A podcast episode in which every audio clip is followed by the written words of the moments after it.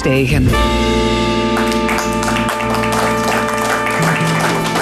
Welkom bij De Stemming, het wekelijkse interview- en discussieprogramma van L1 Radio. We komen rechtstreeks vanuit Café Forum aan de Sint-Pieterstraat in Maastricht. Tot 1 uur kunt u aanschuiven voor een goed gesprek. Straks, na 12 uur, gaan we geschiedenis schrijven, of beter gezegd herschrijven. Want geschiedenis is vooral mannengeschiedenis. En kan dat anders en hoe? Jan de Wit, Karel Leunus en Roland van Vliet... die bespreken het nieuws van de afgelopen week. En Nina Bokke, die is daar met haar column. In dit uur, het boerenprotest, lijkt de politieke besluit rond de stikstofuitstoot te doen wankelen. Terecht of onterecht? Zometeen discussie tussen staatsleden Pascale Pluskin van de Partij voor de Dieren en Johan Gerards van het CDA. Sportanalist Maurice Graaf over Rode JC en aanstormend Limburgs sporttalent in nieuwe Olympische sporten. Onze zuiderburen zitten nog altijd zonder regering. Het is een politieke crisis die al bijna een jaar duurt. Wat is er aan de hand? En muziek. En die is vandaag van singer-songwriter Dan van Hout.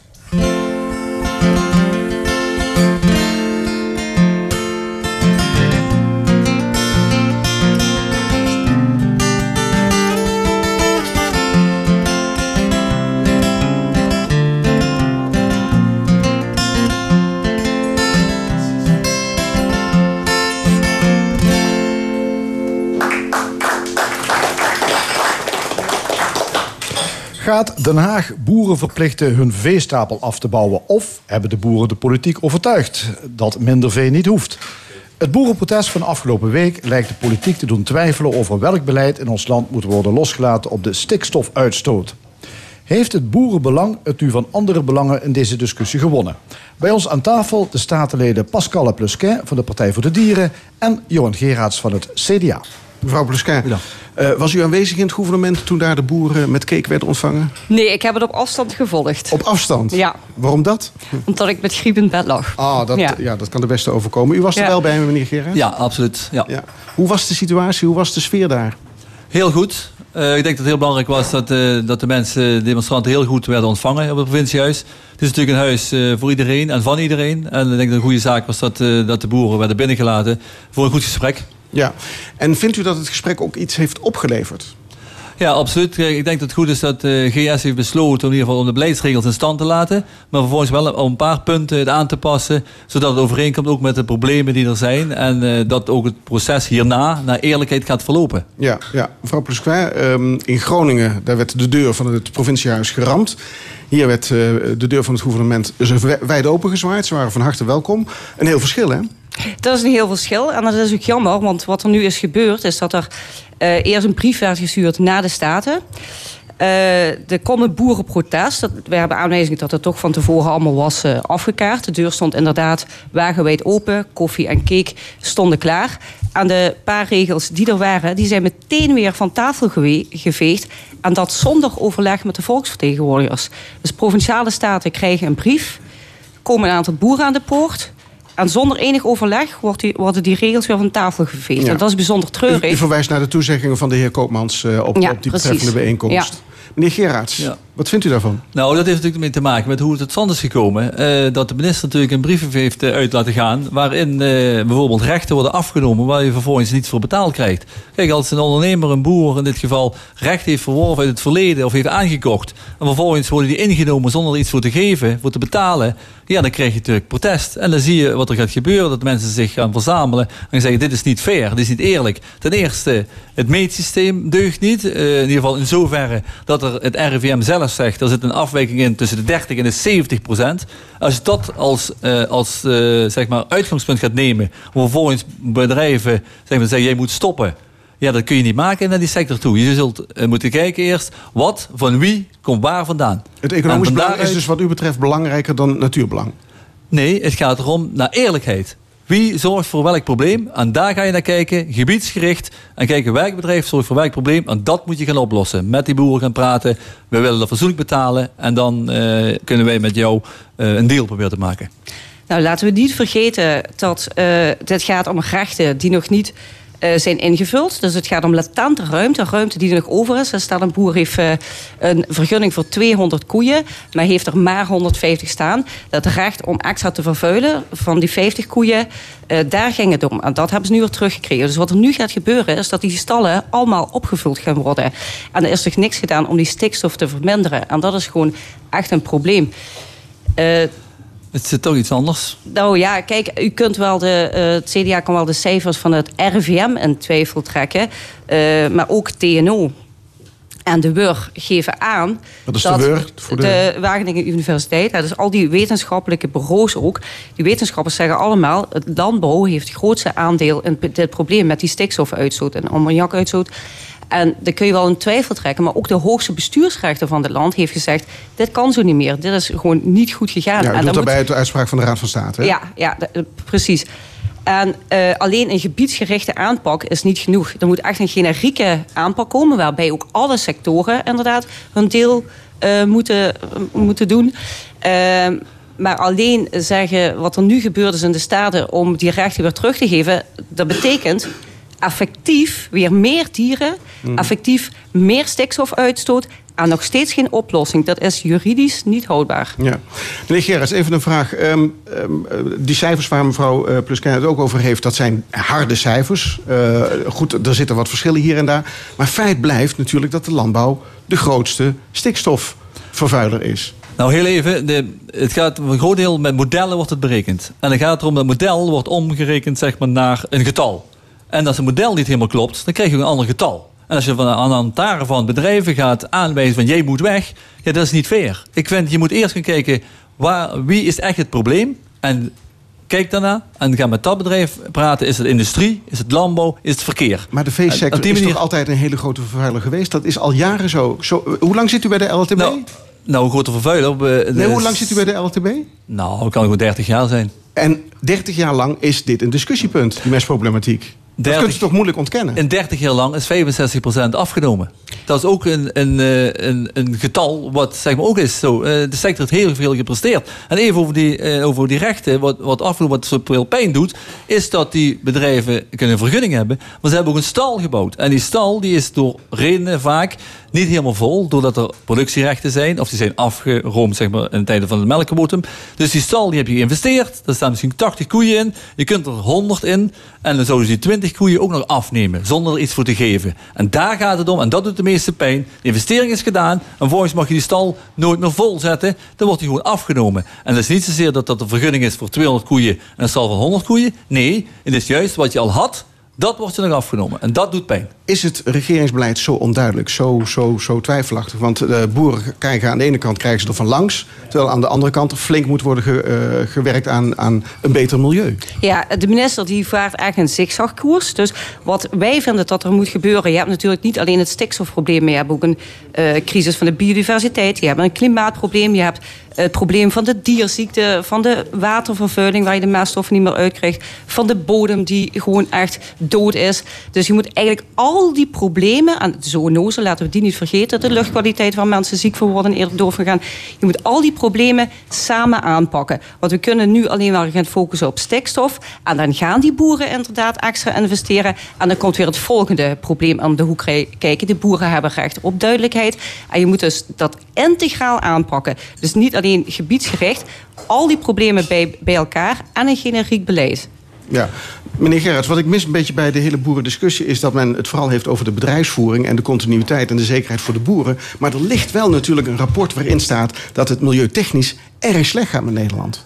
Nou, ik denk dat er eh, heel veel is te bereiken, ook naar de toekomst toe. Dat gaat juist om, geeft die nieuwe generatie een kans met innovatie of echt gebiedsgericht inderdaad opkopen. Maar die innovatie is natuurlijk geen absolute garantie. Nou, we zien dat dus zijn technieken waarvan we moeten afwachten of het allemaal wel werkt. Nee, dat is niet zo. We zijn nu heel erg terug. Uh, nu komen de nieuwe ontwikkelingen van nieuwe stallen. Die zelfs tot 100% reductie opleveren van ammoniak. Het zijn de nieuwste stallen. Dat werd vroeger ook gezegd van de luchtwassers. Uh, uh, wassers, hè, de ja, luchtwassers. Exact. De luchtwassers die vallen, ook, vallen ook tegen, toch? Nou, die de lucht van de Nee, als de luchtwassers goed zijn geïnstalleerd en ze, doen het goed, dan uh, maken ze een reductie van 70%. Maar het is wel een kwestie van handhaven als het dingen niet goed doet. Ja, en handhaven is ook in uw sector een beetje een lastige. Hè? Kijk naar de mestfraude. Nou, de, de, de handhaven is een kwestie van de overheid natuurlijk. En ook uh, doe ik dan uh, ook een beroep op de boeren Ja, zelf. Ze horen zelf dat ook voor een eigen sector dat te doen. Ja, Heel ja, simpel. Ja, ja. Ja, laat, laten we ook niet vergeten. Ja, ik hoor ook geluiden eh, van. eh, is, hebben we al die natuur al nodig? Ik wil dat even duidelijk schetsen. We hebben 17 miljoen- miljoen mensen. We hebben 114 miljoen stuks vee. Eh, we zijn het meest veedichte land ter wereld. En we hebben de minste natuur in Europa. Wij hebben maar 13% van ons landoppervlakte is natuur, inclusief water. Terwijl de Europese benchmark is 17%. Dus wij moeten wel echt goed gaan zorgen voor die natuur. Het is ook belangrijk om te beseffen wat die stikstof doet. Die stikstof die komt in de lucht, die draagt bij aan luchtverontreiniging. Krijgen mensen longproblemen van. Ze gaan er eerder van dood, naar roken. Een van de grootste risico's. Ehm, dan slaat het neer in de grond. Dan blijft het heel lang zijn verwoestende werking doen. Want meneer Gerards net zei, het is afgenomen. Dat is sinds 1990 het geval geweest.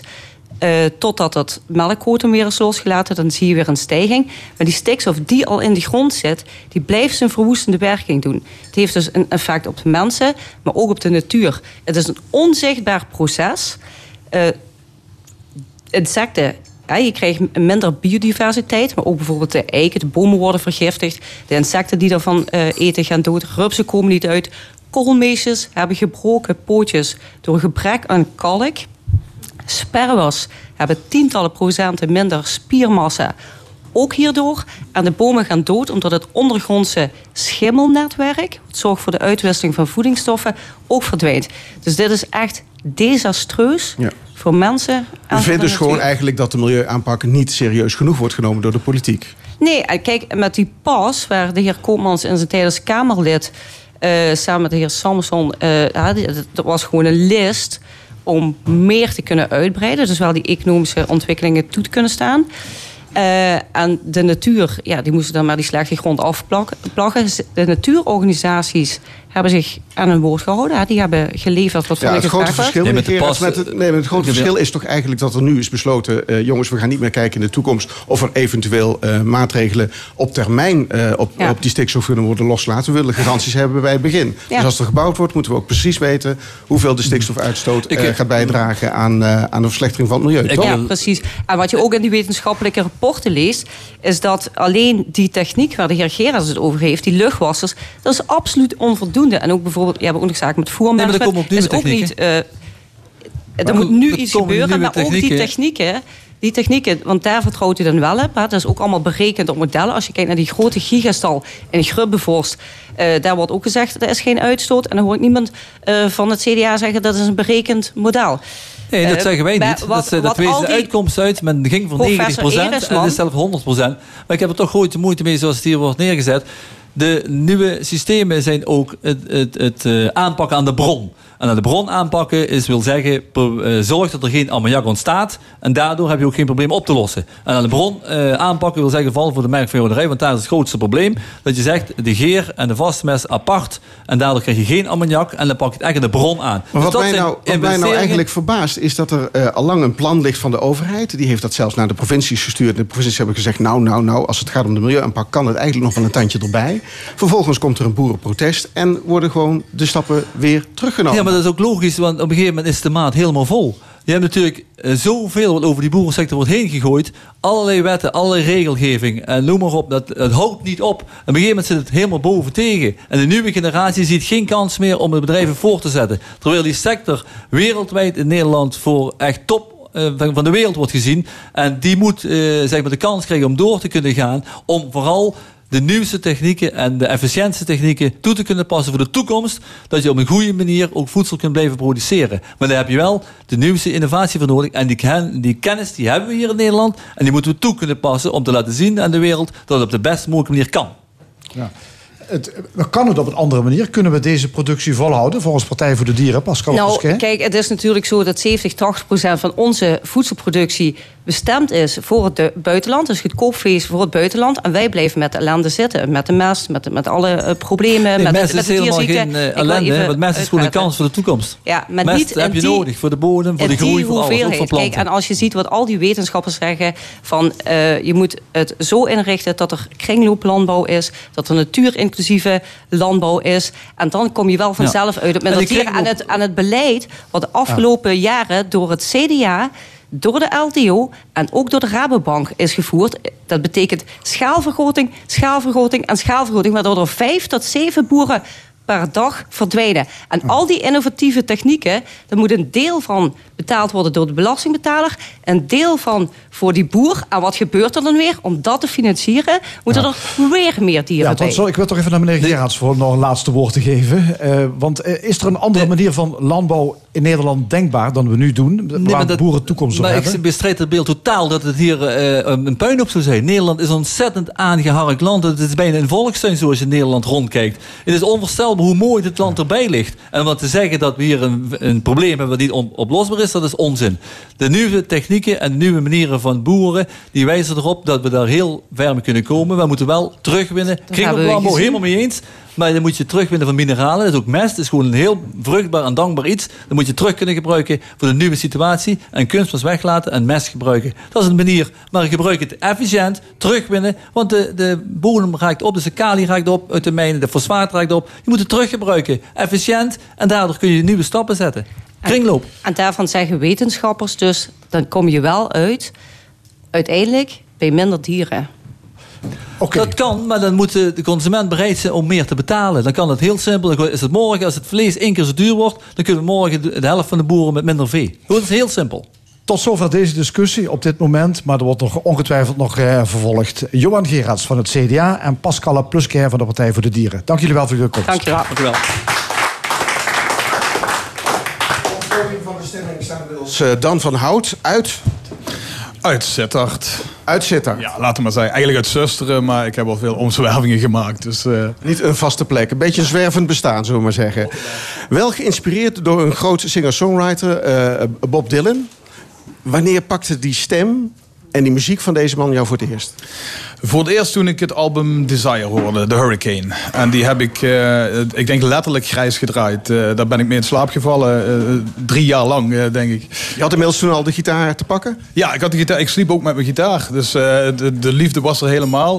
Maar je komt als gitarist via andere wegen natuurlijk. Maar ik, Dylan raakte me door de combinatie van songwriting, waar ik mee, mee begonnen was. Gitaarspel, het is ook een, een onderschatte gitarist. Een heel goede gitarist. Ja, en zijn, zijn akkoordenschema's. Het is, eh, het is om te smullen. Ja. Maar dan is er nog een verschil tussen eh, Dylan, zeg maar, nadoen... of proberen te na te doen... of te kijken dat je een beetje in de buurt komt... of je laat je inspireren... en ook zelf gaan schrijven. Ja, ja Dylan nadoen, eh, dat is ook niet zo prettig. Eh, Dylan heeft een eigen weg afgelegd. Hij heeft natuurlijk Hele eigen stem. een hele eigen stem. Het is nu meer schuurpapier geworden. En, ehm, eh, maar daarom hou ik ook die, ja, die 1975-periode. Net, net is op Netflix de Rolling Thunder Revue uitgezonden. Dat was ook in 1975. Een violiste erbij. Toen maakte hij een grote tour, hè? daar gaat die film over. toen maakte hij een hele grote tour. Ja, hele wazige documentaire, maar wel echt de moeite waard om, om te bekijken. En zijn nummers staan nog steeds als een huis. En helaas zijn zijn teksten nog steeds actueel. Een van die nummers van Dylan ga je nu zingen. Don't think twice, it's alright. Dan van Hout.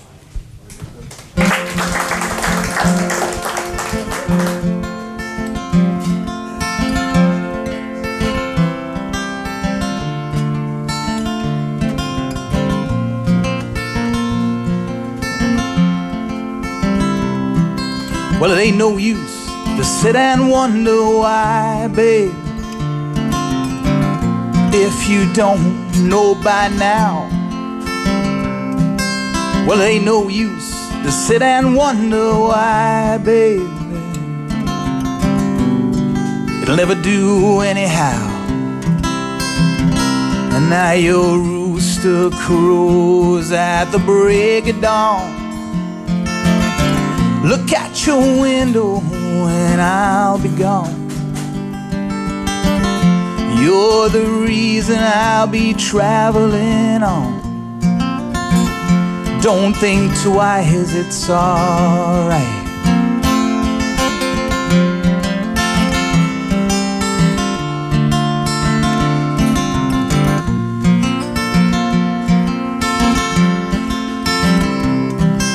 And it ain't no use turning on your light, baby.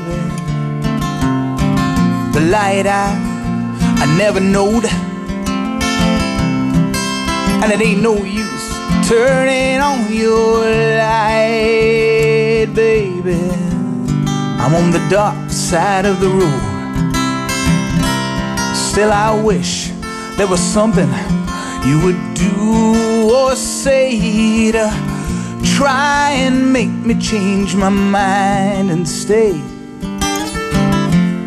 We never did too much talking anyway.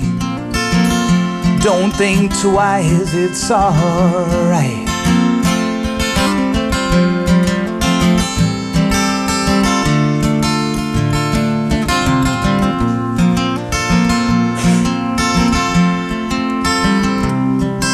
And it ain't no use calling out my name, gal. Just like you never did before. And it ain't no use calling out my name, gal.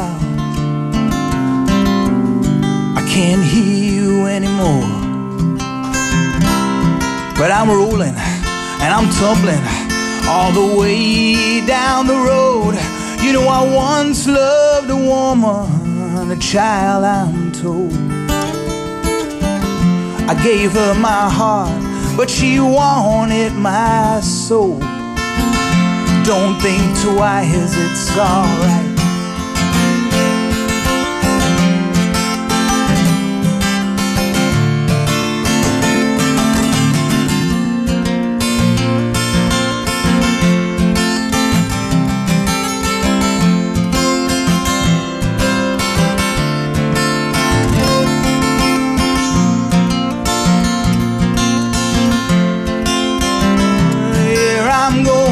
Down that long and lonesome road, baby. When I'm bound, I just can't tell. And goodbye is just too good a word, baby. And I just say fare thee well. I ain't saying that you treated me unkind. Well, you could have done a lot better, but I don't mind. You just kind of wasted my precious time. Don't think twice, it's alright. Don't think twice, it's alright.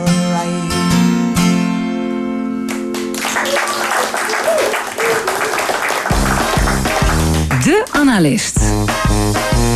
Vandaag met sportanalist Maurice Graaf. Hallo, goedemorgen Maurice. Good morning. Eh, jij wil het hebben zometeen over twee Limburgse sporters die gaan meedoen aan, eh, althans willen gaan meedoen aan nieuwe disciplines op de Olympische Spelen. Daar wil Ja. ik het zo meteen over hebben. Maar eerst, Roda. Ja, het zal niemand verbazen dat jij als sportanalist. eh, The never ending hè, story. Ja, dat je het daarover wil hebben. Ja. Ehm, ja, eh, we hadden natuurlijk Korotayev, toen De La Vega. Nou, die is buiten gezet, hebben we allemaal meegekregen. Er is nu een nieuwe Hollandse, Zuid-Hollandse horecaondernemer, Roland Hogen-Elst. Die zijn geld in Roda zou willen steken. Wat denk je ervan? Ja, tapas koning is best lekker hè, tapas af en toe. eh, ja want hij heeft, ik tap- dan, hij heeft eh. een, een imperium van tapaszaken Ja. blijkbaar. Ja, ja. ja, ja, ja. Ja, ja, ja. ja, Wat moeten we ervan denken? je, je moet altijd zorgen dat je baas blijft in, eh, in eigen huis. En ik snap dat de nood ontzettend hoog is.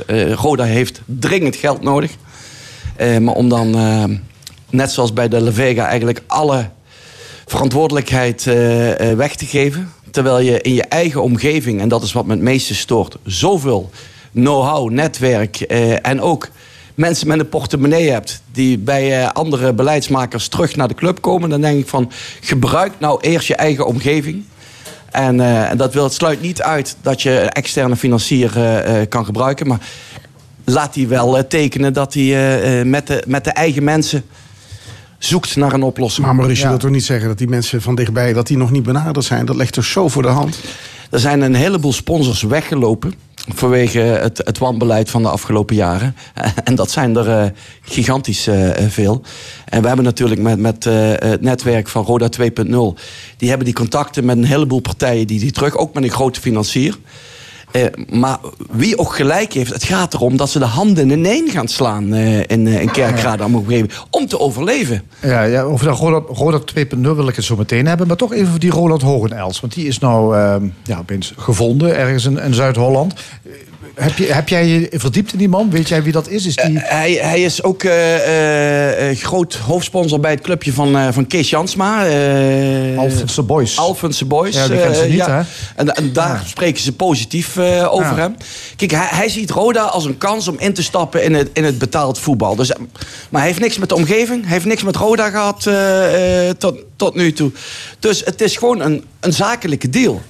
En ik denk waar Roda behoefte aan heeft, is vooral eh, bu- buiten dat geld, is, is mensen die die club uit dat moeras gaan trekken. Ja, wa- waarom zou iemand in Zuid-Holland zijn geld willen steken in een club in Kerkrade? Welk zakelijk voordeel kun je daar uithalen? Kijk, dat is, eh, dat, dat is altijd een beetje. Ik vind dat tenminste altijd een, een groot gedeelte ego. Kijk, als je in betaald voetbal terechtkomt, eh, naam en je denkt. Kijk, Roda is een grote naam. Staat nou in de kelder van het betaald voetbal, maar is een grote naam. En ze denken allemaal, als we die club omhoog krijgen, dan wordt mijn naam gekoppeld aan die van Roda. En God weet welke carrière eh, als bedrijf, als persoon je dan in het betaald voetbal. eh, eh, Als je Roda krijgt. tot succes kunt maken, financieel en sportief, dan kun je eigenlijk alles. Dan kun je, ja, Ja, juist. Dat is Ja. duidelijk. ja maar ja, maar. Roda heeft nog steeds een grote naam. Van de Limburgse clubs is Roda JC nog steeds de grootste naam in Nederlands betaald voetbal. dus als merk doet Als merk. er nog wel ja, toe. Absoluut. Alleen ik denk dat hij zich enorm verkijkt op, eh, ja, zoals we ons hier in Limburg ook verkeken hebben, toen we probeerden om drie clubs te gaan eh, fuseren. Op eh, wat er allemaal in de regio Kerkrade en omstreken, wat er allemaal speelt. Wat daar eh, eh, van vroeger uit, welke mentaliteit daar heerst. Hoe de mensen daar van vroeger uit al de hele week naar het voetballen toeleefden. De, de, mijnwerkers de hele week keihard werken, samen werken, samen drinken. maar uiteindelijk samen bij Roda op die tribune zitten. En dan willen ze een elftal zien wat de mouwen opstrookt en het gras opvreet. Ja, maar wat, wat heb jij tegen op, een aantal, of, op iemand uit Zuid-Holland of, of van ver weg die hier komt? Jij, jij denkt dat hij het niet Die snapt? niet, die is niet geïnteresseerd in eh, het wel en wee van de omgeving of in Rode JC als club. Die is puur geïnteresseerd of zijn bankrekening eh, groeit. Ja. En hoe zou Roda JC het dan beter kunnen aanpakken, denk jij? Eh, de mensen die ze hebben en uit het verleden, en dan heb ik het niet over voetbal, alleen over voetballers. Ik heb het ook over oud-bestuursleden, directeurs, eh, sponsoren. eh, die rondom de club zitten, die, die nog steeds de handen uit de mouwen willen steken voor die club. Die eigenlijk door degene die nou bepalen, want er komt steeds een nieuwe financier, maar de mensen die bepalen, houden deze mensen waar ik het over heb nog steeds buiten. Terwijl ik denk van, als je echt het beste met Roda voor hebt, dan ga je bij elkaar zitten en dan ga je inventariseren. Wie kan op welk onderdeel wat betekenen? Wie kan op financiën wat betekenen? Sponsoring? Wie, wie heeft een netwerk in het voetbal? Kijk, dan heb ik het over Servik Kuijer, Huub Stevens, eh eh Gerzende, Hansen. Eh, eh, eh, een groot gedeelte nog van het bedrijfsleven wat nog niet bij Rode JC is. Laat die allemaal meedenken. Zorg voor die betrokkenheid. Ik denk dat het daarmee begint. En dan kun je slagen maken. En ik sluit niet die financier uit. Maar ik denk, ja, we hebben er eentje uit Rusland gehad. Nou, e- e- eentje uit Mexico. En nou komt er eentje Komen uit... steeds dichterbij, hè? Het komt, ja. Ja. Geef mij maar Frits Schroef en, eh en Nol Hendricks. Die, Ja. die, Maar misschien zegt het ook wel iets dat deze mensen niet gevonden worden. Want dat als er toch iemand met een zak geld uit de regio Kerkrade voor de deur staat bij het Rode Stadion, dan wordt hij toch binnengelaten? Die is er blijkbaar niet. sommige mensen vinden hun eigen ego belangrijker. eh, dus zij moeten kunnen blijven zitten. En, en dat is vaak een probleem. Maar eh, er zijn... Kijk, het is niet... Je bedoelt dat er, plots- mensen, dat, dat er misschien wel mensen zijn die hun geld erin willen steken, maar dat die niet door één deur kunnen met Volgens mensen Roda die niet 2.0 bepalen. is dat zo. Hè? Op dat, Ja. dat mensen klaarstaan. Ja, leg eens uit, wat is dat Roda P- 2.0? En dat is een, een, een beweging, een organisatie die eh, zich. eh, waar dus die mensen in verzamelen die Roda willen helpen. En Gerzende is daar eh, het, het boekbeeld van, eh, als Roda-icoon. En die vragen geen geld, maar die willen gewoon hun diensten beschikbaar stellen aan Roda SC.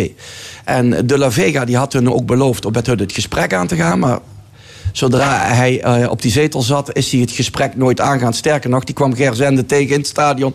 En eh, toen moest iemand hem vertellen wie Gerzende was. Ik denk van ja, als je dat voortraject hebt gehad... dan interesseert het je ook werkelijk helemaal gereed, om het zo ordinair te zeggen...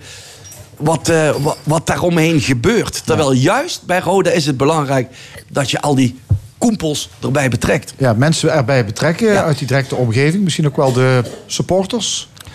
Alles en iedereen hebben ze Ja. nodig. Supporters zeker ook. En, en, en is dat een garantie dat je dan ook de financiers binnen kan halen? Dat is een, een garantie voor maximaal draagvlak. En dan moet de- de rest makkelijker volgen dan dat het nu gebeurt. Pas op, het gaat wel om een schuldenlast van hier tot Tokio. Hè? Als je eh, met Ja. Roda nu zegt van ik wil daar eigenaar van worden...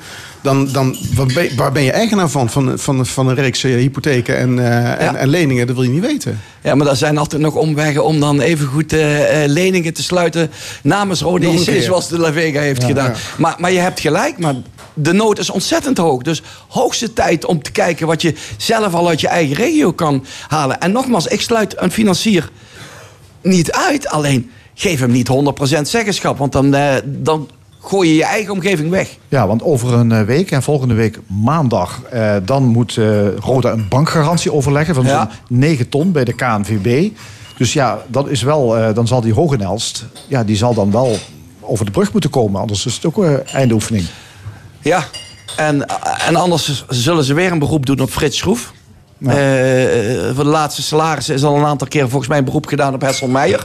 Die, die ook een heel groot Ja. Roda hart eh, eh, heeft. Maar ja, het kan wel, het kan zo niet verder. En wil je bij de KNVB inderdaad groen licht krijgen, zal je toch een, eh, een begroting moeten neerleggen die, eh, die dicht is. Ja. Is Roda wel een club die toekomst heeft? Heeft die club bestaansrecht, los van alle financiële perikelen? Is dit een, een denk voetbalclub dat- die geaard is? Ja, eh, dat is wat ik straks zei. Ik heb dat gisteravond, zat ik bij, eh, bij VVV... eh, en dan had ik met iemand die discussie. Het verschil met Roda en VVV bijvoorbeeld is... bij Roda leeft men de hele week, ook nou men zo laag staat in, eh, in de keukenkampioen-divisie... leeft men naar die wedstrijd toe, naar die dag dat ze naar Roda kunnen... dat ze die club kunnen steunen. Bij VVV eh, in Venlo wordt een groot deel van de mensen op zaterdagochtend wakker... en denkt, hey, moet VVV thuis? Oh, welk weer is het? Oh, ja, dan kunnen we misschien wel eens gaan. Is dat echt zo, Maurice? Ja, Venlo is de stad van de feestjes. Als dat geen feest kan worden, zijn ze toch. Maar voor de rest Maar Ro- ben je Roda, afhankelijk Roda van... leeft heel, de Roda supporter leeft de hele week voor. Roda supporter, echt. En dat doe ik sommige VVV-supporters absoluut tekort nu. Eh, en ze weten eh, hoe groot mijn VVV-hart is, dus dat vergeven ze me wel. Maar zwart-wit is dat het verschil. Ja. Nog iets anders. Eh, je wil het ook hebben over twee Limburgse sporttalenten in- op heel andere terreinen. Ja. Eh, Candy Jacobs, een skateboardster, en die wil graag naar de Olympische Spelen in eh, Tokio 2020. Yes. En gaat dat lukken? Eh, het ziet er wel goed uit. Eh, zij is Nederlands beste skateboardster. Ze is eh, vierde op de Europese kampioenschappen en vierde op de wereldkampioenschappen. Op de Europese kampioenschappen had ze een, een beetje pech. Want in de halve finale had ze een gemiddelde waar niemand aan kon, kon komen. En in de finale maakte ze een foutje. En ja, dat is echt een sport. Als je daar één foutje maakt bij je, bij je weg. Waardoor ze dus vierde eh werd. Maar ze is al jaren de top van, eh, van Nederland. En eh, als ik het goed heb, op de world ranking tweede of derde zelfs. Dus een potentiële medaillekandidaat zelfs. Ja, nou, ze komt het tegen. Hè? En Ja. waarom ik het vraag is eigenlijk ook omdat skateboarden... dat is een nieuwe Olympische discipline. Ja. Hè, dat hebben we nog nooit, nooit eerder gezien op de Olympische Spelen. In 2020 gaat dat dus gebeuren. Hoe werkt dat nou? Hoe wordt een sport nou op een gegeven moment toegelaten tot die Olympische Spelen? Wie, wie bepaalt dat? God, eh, daar vraag je wat. Wie dat, wie dat uiteindelijk bepaalt, is denk ik het Olympisch Comité, eh, Internationaal Olympisch Comité. Maar eh, ik denk dat het vooral komt doordat, eh, dat geldt dadelijk ook voor die andere sport. Doordat sporten aan ontzettend veel populariteit eh, eh, winnen. Vooral bij een, een jonger publiek. Eh, dat geldt zeker bij skateboarden. Je ziet, ik denk dat dit ook een gevolg is van het snowboarden. Wat er, bij die sporten zie je een hele eigen jeugdige scene. Eigen kleding, een eigen way of living wat daar ontstaat. Wat jeugd ontzettend aanspreekt. En wat natuurlijk ook wel mooi is om te zien. En dan, dan je ziet overal ook twee groeperingen. Eentje die zegt van nee, we willen niks met het commerciële te maken hebben. Dus we willen niet naar de Olympische Spelen. En de anderen die dat als kans zien om eh, het hoogste platform eh, sport uit te oefenen. En ja, daar hoort Candy dus nou ook bij. Als je Ja. ziet wat, wat Ja, zij daarvoor en- doet. Ja, en er is nog een, eh, tot, tot slot, er is eh, ook al iemand bezig met de Olympische Spelen van 2021 in Limburg. Of, eh, sorry, de, de volgende 2024 in 2024 Parijs. Ja. Wie is dat? Dat is Lorenzo Carboni uit Nederweert, 14 jaar. Absoluut de beste op breakdance gebied in, op zijn leeftijd. Maar hij heeft de laatste drie internationale toernooien onder 17 jaar in Engeland, Frankrijk en België heeft hij, heeft hij gewonnen. Dat is, eh, ja, dat is echt waanzinnig als je die eh, jongen bezig ziet. Break, en die break- rechts- breakdance in eh, Parijs op de Olympische Spelen. Dus, goud voor Nederland. Oké. We hebben het genoteerd. Hè? Ja. Dankjewel, Maurice Graaf.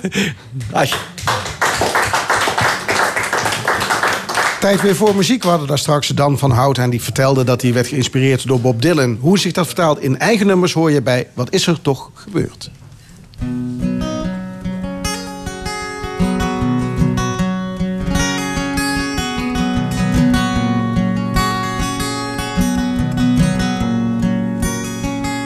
Ik gewoon op mijn gezicht.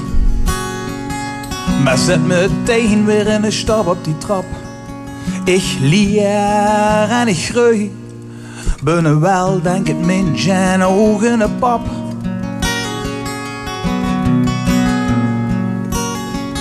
Maar wat is er toch gebeurd? In de korte tijd dat ik leef. Dit is toch ongehoord? Ik zeg het tegen iedereen hoe mij gewoon maar een beetje geef. Er zijn duistere types, winstgevend gemieter. En ze lozen niet het gif in ons water. En ze zeggen mij dat ze zorg voor later. Ik stond er met de naast bovenop. De overweldigheid naar de knop. En ik kan met mijn volle verstandje niet meer achterstaan. Maar vertel me hoe ik anders herken gaan. Het gaat toch niet om geld. Dat is het enige dat telt. Maar we krijgen het voor het zeggen. Als die chemische fabriek hier doet brand. Bedrijven bepalen het speelveld. De politiek verdeelt wie onderling de centen. En staan weer volledig genegeerd. Dat is de weg zo onherroepelijke verhaal.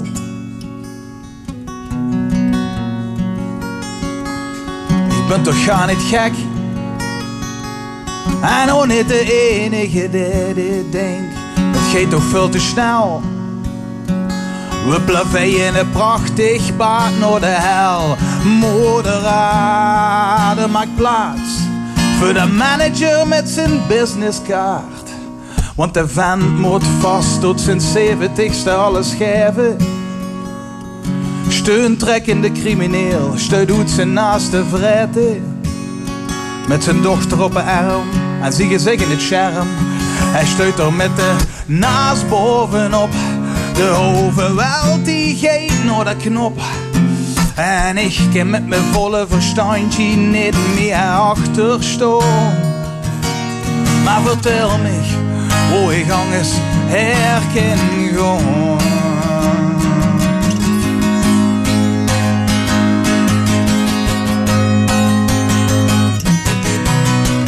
Ik ga op bestreden.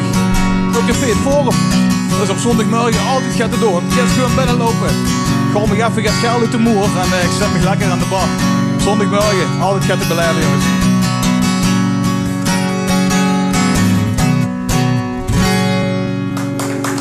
Ja. Nou, geen liedje ook nog over de stemming zeg. Dit is de stemming, het wekelijks interview- en discussieprogramma van L1 op de zondagochtend over de achtergronden bij het nieuws. We komen rechtstreeks vanuit Café Forum in Maastricht. Zin om te komen kijken? Dat kan. Tot 1 uur zitten we hier en kunt u ons en onze gasten komen bekijken met een lekkere bak koffie of een Belgische pint. Daarover gesproken, België dan. Dat land zit al vijf maanden zonder federale regering. Het is maar de vraag of dat snel zal veranderen, want er is nog steeds geen vooruitzicht op een snelle kabinetsformatie in Brussel. Hugo Luiten reist regelmatig op en neer tussen Limburg en Antwerpen. En daar peilt hij de Belgische, of liever gezegd de Vlaamse kijk op het politieke onvermogen om een kabinet te formeren. Hoe moet het verder met België? Bij ons aan tafel geschiedenisleraar en schrijver Hugo Luiten. Goedemorgen Hugo.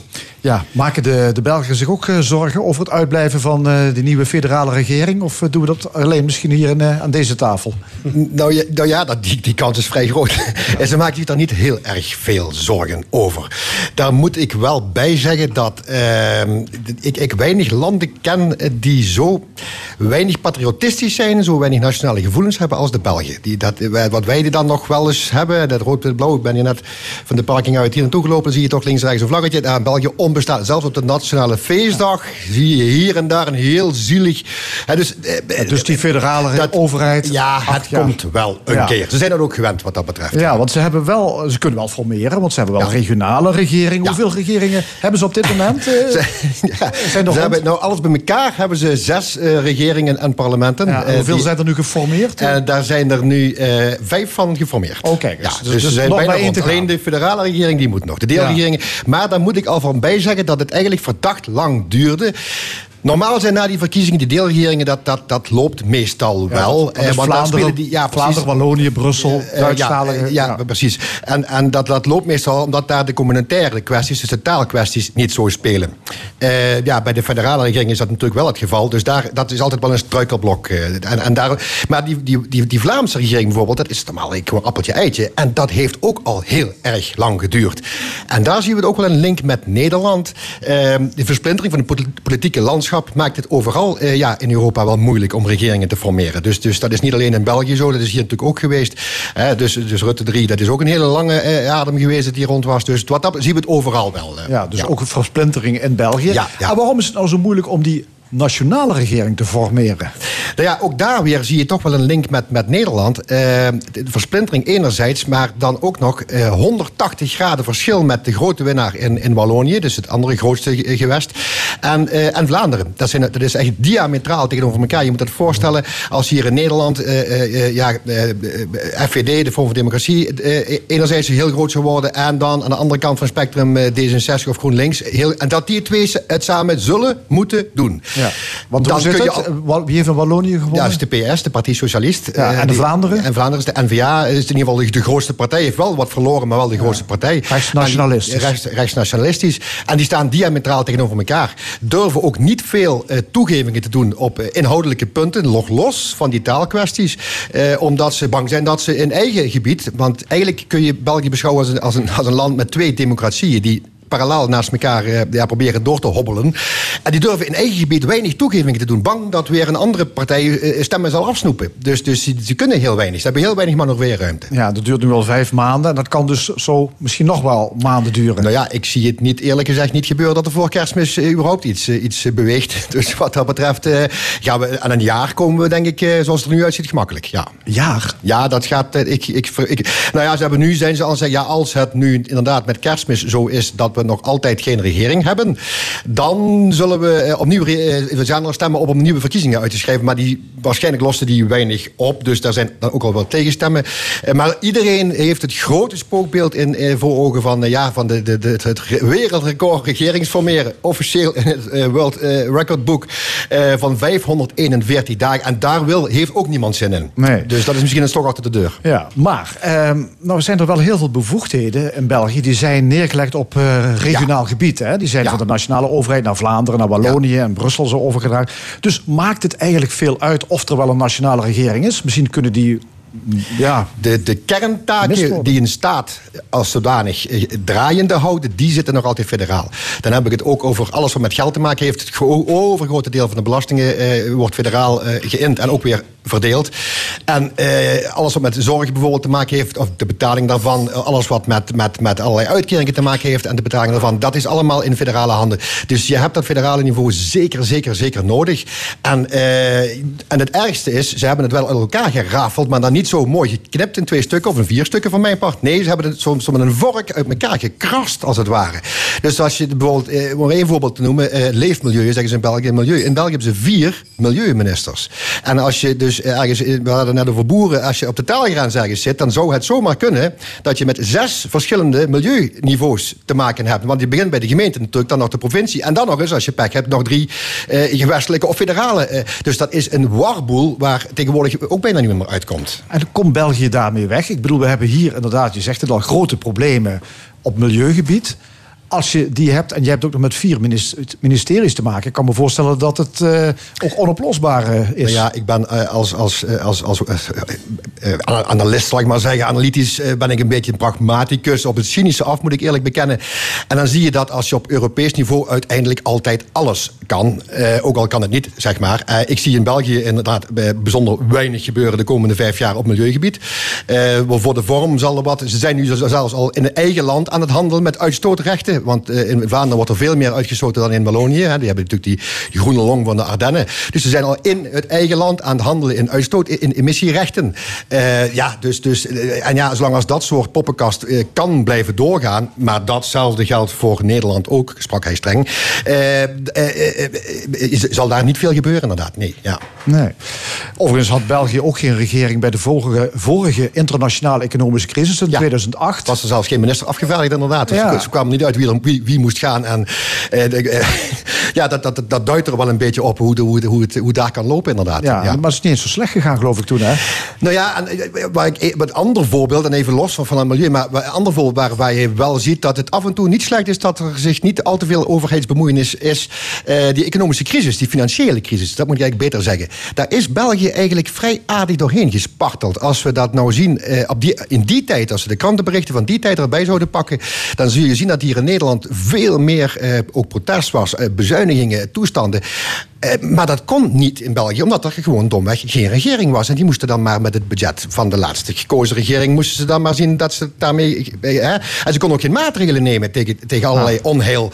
En ja, dan denk je van, goh, misschien is dat onheil nog niet eens zo heel erg slecht geweest. Want, want het, ging- het, land ging gewoon verder, zeg Ja, maar. maar ja, het begrotingstekort is wel gigantisch opgelopen. ja, Hoeveel- 11 miljard op dit moment. Hoeveel? 11, 11 miljard, 11 miljard. begrotingstekort. Ja, ja. Dat komt ook omdat er net een paar wetten eh, die zouden gestemd moeten worden. net voor de regering viel. En eh, ja, die is dus toen inderdaad gevallen. En ja, men kreeg dat niet meer voor elkaar. Eh, kreeg ook niet meer de politieke wil eh, voor elkaar. om dat dan eh, op een nette manier alsnog af te ronden. En ja, en nu zit je met een gat van 11 miljard. Ja. Maar dat, in België zijn ze dat gewend. Eh, we- in de jaren 80, eh, de grote eh, economische crisis in de jaren 80, zei een eh, eh, minister van Begroting. Het gat in de begroting is er vanzelf gekomen. en het zal ook weer vanzelf verdwijnen. Dus wat dat betreft zijn de Belgen daar ook heel pragmatisch in. eh. En ze Ja. namen nog een pint. Ja. Eh, ja, zeg, jij komt wel eens in Antwerpen. Hè? De, eh, de stad ook waarin jij schrijft aan jouw misdaadromans. Ja, hè? dat is een heel ander verhaal. Heel ander Wie dat wil opzoeken, moet op jouw Facebook of op jouw eh, website maar even kijken.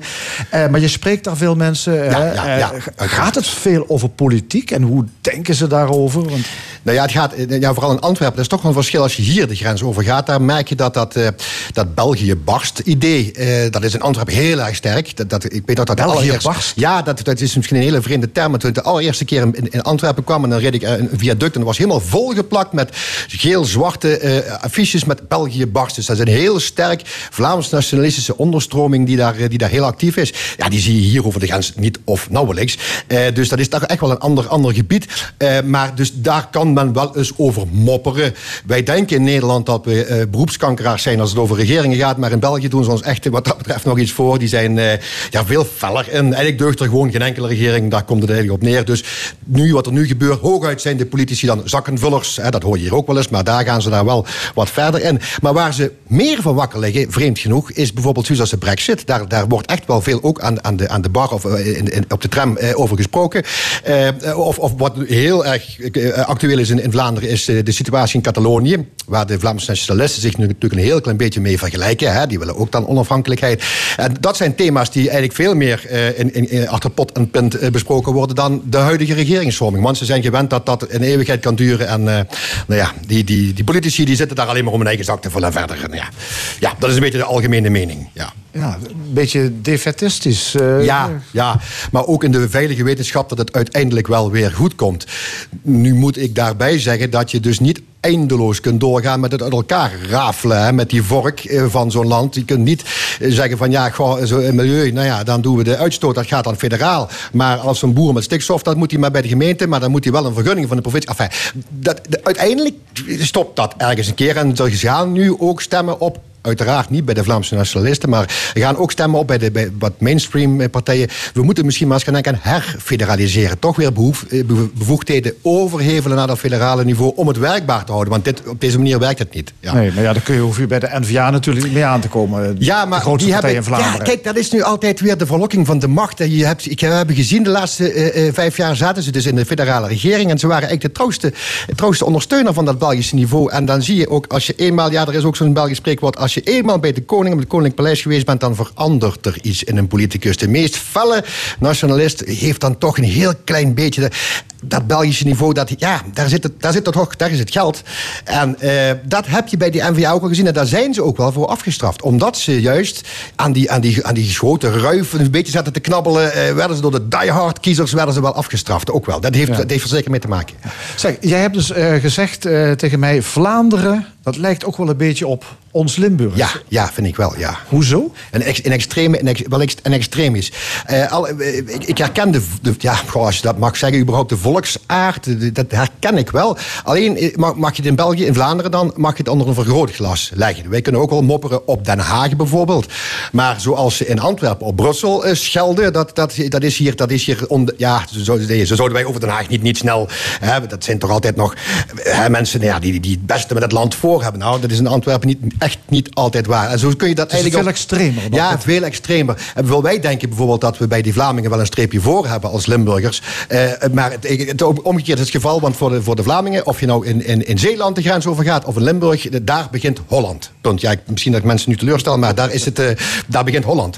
En is voor hun is er geen verschil. Maar ik, ik merk heel duidelijk dat er wel, eh, ja, ja ik- daarom voel ik me daar ook zo thuis. Ik zou boven de rivieren in Nederland veel moeilijker kunnen aarden eh, dan, ik dat, dan me dat in België gelukt is. Daar voel ik me als een vis in het water. Maar ik ben wel een amateur als het gaat over mopperen en schelden en kankeren en zo op allerlei overheidsinstanties. Want dat kunnen ze daar heel erg goed. Ja. Ja, zeg, en België barst, is dat nog, eh, is- wordt dat nog een keer serieus? eh? Ik zie dat gewoon domweg niet gebeuren. Want je moet om te barsten, eh, in dat geval moet je toch twee partners hebben die dat allebei willen. En daar is bij die andere niveaus totaal geen enkele sprake van. Los nog van allerlei problemen. Wat doe je met de stad Brussel? Brussel is voor 80% Franstalig, maar is wel de hoofdstad van Vlaanderen. Ja, hoe ga je dat dan oplossen? Wat doe je met al die internationale instanties? De staatsschuld, 11 miljard. Wie gaat het betalen? Ja, dus dat is een moeilijke kwestie. Ik zie het nooit gebeuren. Echt nooit Nee. gebeuren. En voor kerst misschien een nieuwe federale regering. hè? Ik denk het niet. Oké, dankjewel Hugo Luiten voor jouw analyse van de Belgische politiek. Graag gedaan. Tot zover het eerste uur van de stemming na reclame en NOS Nieuws deel 2... met discussie over de zij-hij-verhouding in onze geschiedenisboeken. De column van Nina Bokke, de blik van Roland van Vliet... Jan de Wit en Karel Leunissen op het nieuws van afgelopen week... en muziek van Dan van Hout. Tot zo.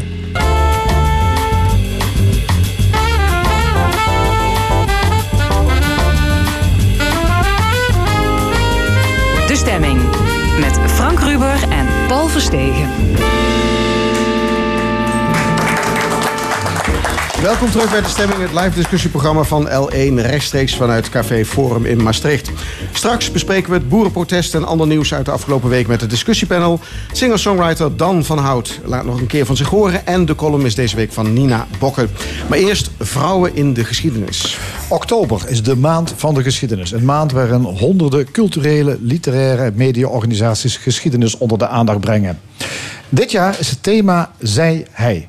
Vrouwen hebben altijd zo'n 50% van de wereldbevolking uitgemaakt. Toch kunnen vooral mannen, kennen we de geschiedenis vooral van de mannen uit het verleden. En is dat terecht? Of moet het anders? En kan het ook anders? We gaan erover praten met archeoloog Gemma Jansen, eh, historica Marion Koenen en Lies Wesseling, hoogleraar genderstudies aan de Universiteit Maastricht. Allemaal hartelijk welkom. Om maar meteen de koe bij de horens te vatten. Oh nee, dat had meer met de messendiscussie te maken. Nee, eh, grapje. Ehm, eh, weten we eigenlijk hoe scheef de scheefgetrokken zij-hij-verhouding is in de geschiedschrijving? Mevrouw Wesseling. Nou, daar hebben we een redelijk beeld van waar het eh, mijn gebied betreft. De literatuur- en kunstgeschiedenis van de 19e en de 20e eeuw. Ehm, daar is het echt duidelijk dat vrouwen weliswaar bijdroegen Ja. aan... eh, met name ook aan de zeer vernieuwende revolutionaire bewegingen ehm, van het begin van de 20e eeuw. Maar dat zij eh, merkwaardig genoeg telkens uit de, de boeken, de geschiedenisboeken verdwijnen die over die bewegingen gaan. En dat komt doordat er mannen zijn die het schrijven? Eh, niet alleen. Ehm, dat komt doordat ehm, de standaarden die gehanteerd worden, die uitmaken wat echte vernieuwende kunst, literatuur is, alles met hoofdletters, die standaarden die privilegeren het werk van mannelijke kunstenaars en schrijvers. En ehm, in dat licht lijken vrouwen al, al snel minder belangrijk. En omdat ja, je altijd maar beperkte ruimte hebt in de geschiedenisboekjes, je kan je niet iedereen herinneren. Herinnering is per definitie selectief. Sneeuwen die vrouwen sneller onder. Ja. Is dat, geldt dat ook voor de oudheid, mevrouw Jansen? Nou, voor de oudheid is het erger, omdat de stem van de vrouw er niet is. Dus we hebben geen enkele Griekse tekst van een vrouw. Of geen, ja. Nee. En wel van de Romeinen, maar sommige. Dus het is al een hele kunst om überhaupt die vrouw te vinden. Ja, ja, ja, ja, ja. Dan lijkt het me helemaal moeilijk om in de, als archeologen... jullie hebben het toch vooral van, van, van, van dingen die jullie uit de grond halen... eh, vaasjes, eh, speerpunten. Hoe moet je dan zo'n analyse... hoe moet je die scheef vertrokken verhouding daarin gaan rechttrekken? Ja, je moet eerst gaan zoeken van waar zit die vrouw? Welke voorwerpen gebruikt die vrouw? En soms bijvoorbeeld met die vazen. Je hebt Griekse vazen en daar staan afbeeldingen op. Maar dan is de vraag... Is, beeldt die afbeelding een vrouw af zoals ze was? Of is dat het ideaalbeeld van de vrouw? Want de man koopt de vaas, de vrouw heeft geen geld. Dus die geeft die aan haar. En dan staat erop hoe ze zich moet gedragen. Maar is het de vraag, gedroeg ze zich ook zo? Dus de ene onzekerheid na de andere hebben we hier. Goed, dus een groot probleem als we het hebben over deze periode. Over deze periode is het echt een, eh, een heel groot probleem. Eh, ons vakgebied, de oudheid, en dan met, na- mee met name de Romeinse oudheid, die is geschreven door en voor mannen. En als je daar al een vrouw tegenkomt, dan is dat de visie van de man op de vrouw. Dus wil je iets meer te weten komen van, eh, van vrouwen, dan moet je teksten al heel anders gaan, gaan lezen. Dan moet je woorden gaan uit elkaar rafelen en kijken van wat bedoelde die schrijver nou precies met dat woord? Wat legt die die vrouw in de mond bijvoorbeeld? En daar is heel lang geen aandacht voor geweest. Heel lang heeft men gedacht, oh, het woord van de oude, wijze mensen uit de oudheid, dat is zoals het is, dat is Ja, waar. ja. En pas nu in deze tijd, mede dankzij vrouwelijke onderzoekers, ook gaan we echt kijken van, eh, was het wel zo waar? Moeten we dat niet heel anders, de- naar een hele andere verbanden, naar hele andere woordvormen gaan, eh, gaan kijken? Ja. Wat mij opviel bij de website van de, de Maand van Geschiedenis... is dat er toch al heel veel verhalen zijn... waar men zich met name fixeert op een vrouw... die een belangrijke rol heeft gespeeld. Dus redden we ons dadelijk met, met, met, met een, eh, een goed verhaal... als we maar een goed portret maken van Hannie Schaft... als we misschien Maria van der Hoeven nog een keer eh, een, een mooi boek over schrijven... of andere grote eh, vrouwen die een rol hebben gespeeld. Mevrouw Klompé, eh, ik noem maar wat. Nee. Nee, zegt mevrouw Wesseling. Nee, daar redden we het niet mee. Het is een, een noodzakelijke voorwaarde om vrouwen onder het stof van de vergetelheid eh, vandaan te halen. Dat is een noodzakelijke voorwaarde voor een meer evenwichtig beeld, maar het is geen voldoende voorwaarde. Ehm, het, het, het is daarbovenop nodig om eh, naast, naast het schrijven van al die portretten van vergeten vrouwen ook door te dringen naar de mechanismen die ervoor hebben gezorgd dat ze vergeten werden. En als je dat niet doet, dan wordt ook al dit werk, wat nu wordt verricht in het kader van de Maand van de Geschiedenis en, en eh, anderszins, elders, eh, wordt dat weer even snel vergeten. Dan reproduceert dat mechanisme zichzelf voortdurend. En eh, blijf je weer zitten met eh kanons van kunst en literatuur... waarin hooguit een enkele excuustruus voorkomt. Wat, wat is dat voor een mechanisme? Daar ben ik wel benieuwd naar. Ja, nou, dat, dat eh, probeerde ik daarnet al even aan te stippen. Eh, misschien is het best om even een voorbeeldje te gebruiken. Neem nou bijvoorbeeld het impressionisme. Hè? Dat is een, een, een stroming in de, in de beeldende kunst die iedereen kent. Nou, eh, als ik zeg Manet, Monet, dan, hè, dan knikt iedereen toch. Ehm, maar als ik nou zeg Mary Cassatt of Bert Morisot... Nee, nu zie ik niemand knikken. Terwijl ze in hun eigen tijd even belangrijk waren, even prominent als hun mannelijke collega's. Hoe komt het nou dat we hun vergeten zijn? Ehm, dat komt omdat impressionisten vooral vernieuwend waren doordat ze buiten de studio traden En ofwel eh, in de openlucht landschappen gingen schilderen. Of, nog belangrijker, waar het gaat om vrouwendiscriminatie. Ze brachten het nieuwe stadse leven in beeld. Hè? En dan ook de, de, de buik daarvan, zou ik maar zeggen. De onderbuik daarvan. Dus bordelen, cafés met alcoholisten en ga zo maar door. Mary Cassatt en Bert Morisot, die schilderden die tafereelen niet. Want dat was een no-go-era voor vrouwen. Dus zij schilderden meer huiselijke tafereelen. Kijk je naar hun techniek, dan, dan kan je op geen enkele manier zien... dat dat een, een minder capabele schilderes is of wat dan ook. Echt gewoon helemaal niet. Desalniettemin zijn we hun vergeten omdat iedereen dacht, ja, het impressionisme, dat betekent dat opeens eh, de, de, de nachtzijde van de nieuwe grote metropolen die in de 19e eeuw eh, ontstonden, eh, in beeld gebracht werden. En dus is dat, zijn die plaatjes, hè, dat soort uitdrukkingen, die plaatjes van Mary Cassatt en Bert Morisot inferieur. En kunnen we die vergeten? Ja. Maar Jan Koenen, is eh, dit ook in de oudheid het geval? We kennen natuurlijk Cleopatra, maar zijn er nog andere Ja, vrouwen die op een of andere manier eigenlijk in de vergetenheid zijn Nou, geraakt? verkeerd in de geschiedenis terecht zijn, eh, zijn gekomen. We kennen allemaal, eh, de meeste mensen die hier zitten, denk ik, herinneren zich de serie I Claudius Ja. nog wel. De Waarin, stamelende en stotterende precies, keizer. waarin eh, de echtgenote van Augustus, de eerste keizer van Rome, Livia, aan bod kwam als een gifmengster. eh, iemand die de hele familie heeft, eh, heeft uitgemoord. Zo is die vrouw de geschiedenis ingegaan. En zij is eigenlijk het beeld geworden waar in films heel veel portretten van Romeinse vrouwen aan zijn, eh, zijn opgehangen. Ehm, zij zou bijna haar halve familie hebben uitgemoord. Als je nou echt terug de bronnen ingaat, dan blijkt dat helemaal niet waar te zijn, helemaal niet te kunnen. Er zijn zat historici die die vrouw compleet de hemel inschrijven. Maar in onze tijd is ze terechtgekomen als een moordenares. Hoe kan dat? Hoe kan dat? Daar hebben we één man, één mannennaam op, op te plakken. En dat is Tacitus. Tacitus is de grote historicus Ja. van Rome geworden. Is als de grote man van de Romeinse geschiedenis verder bij ons terechtgekomen. Via de renaissance ook. En wat Tacitus en de zijne zeiden was waar. En net Tacitus leefde in een periode waarin men een grote hekel had aan vrouwen die op de een of andere manier macht uitoefenden. En dus werden ze afgeschilderd En als dus gifmengsters. En... Gifmengsters. eh, Secreten. en Niet eens secreten, precies. En hij deed dat, Tacitus deed dat heel, heel mooi, heel, heel subtiel. Hij zei niet eens van ze heeft haar hele familie vermoord. Ze zei, hij zei van eh, ze behandelt al Augustus kinderen en klein, klein- en achterkleinkinderen als stiefmoeder. Nou ja, iedere Romein wist dat stiefmoeders moordenaressen waren. Dat ging heel slinks, dat ging heel sluipend. En het is zo sluipend gegaan dat wij het nu nog steeds denken. Ik heb een tiental jaar geleden heb ik een artikel geschreven waarin ik dat een beetje heb proberen recht te trekken.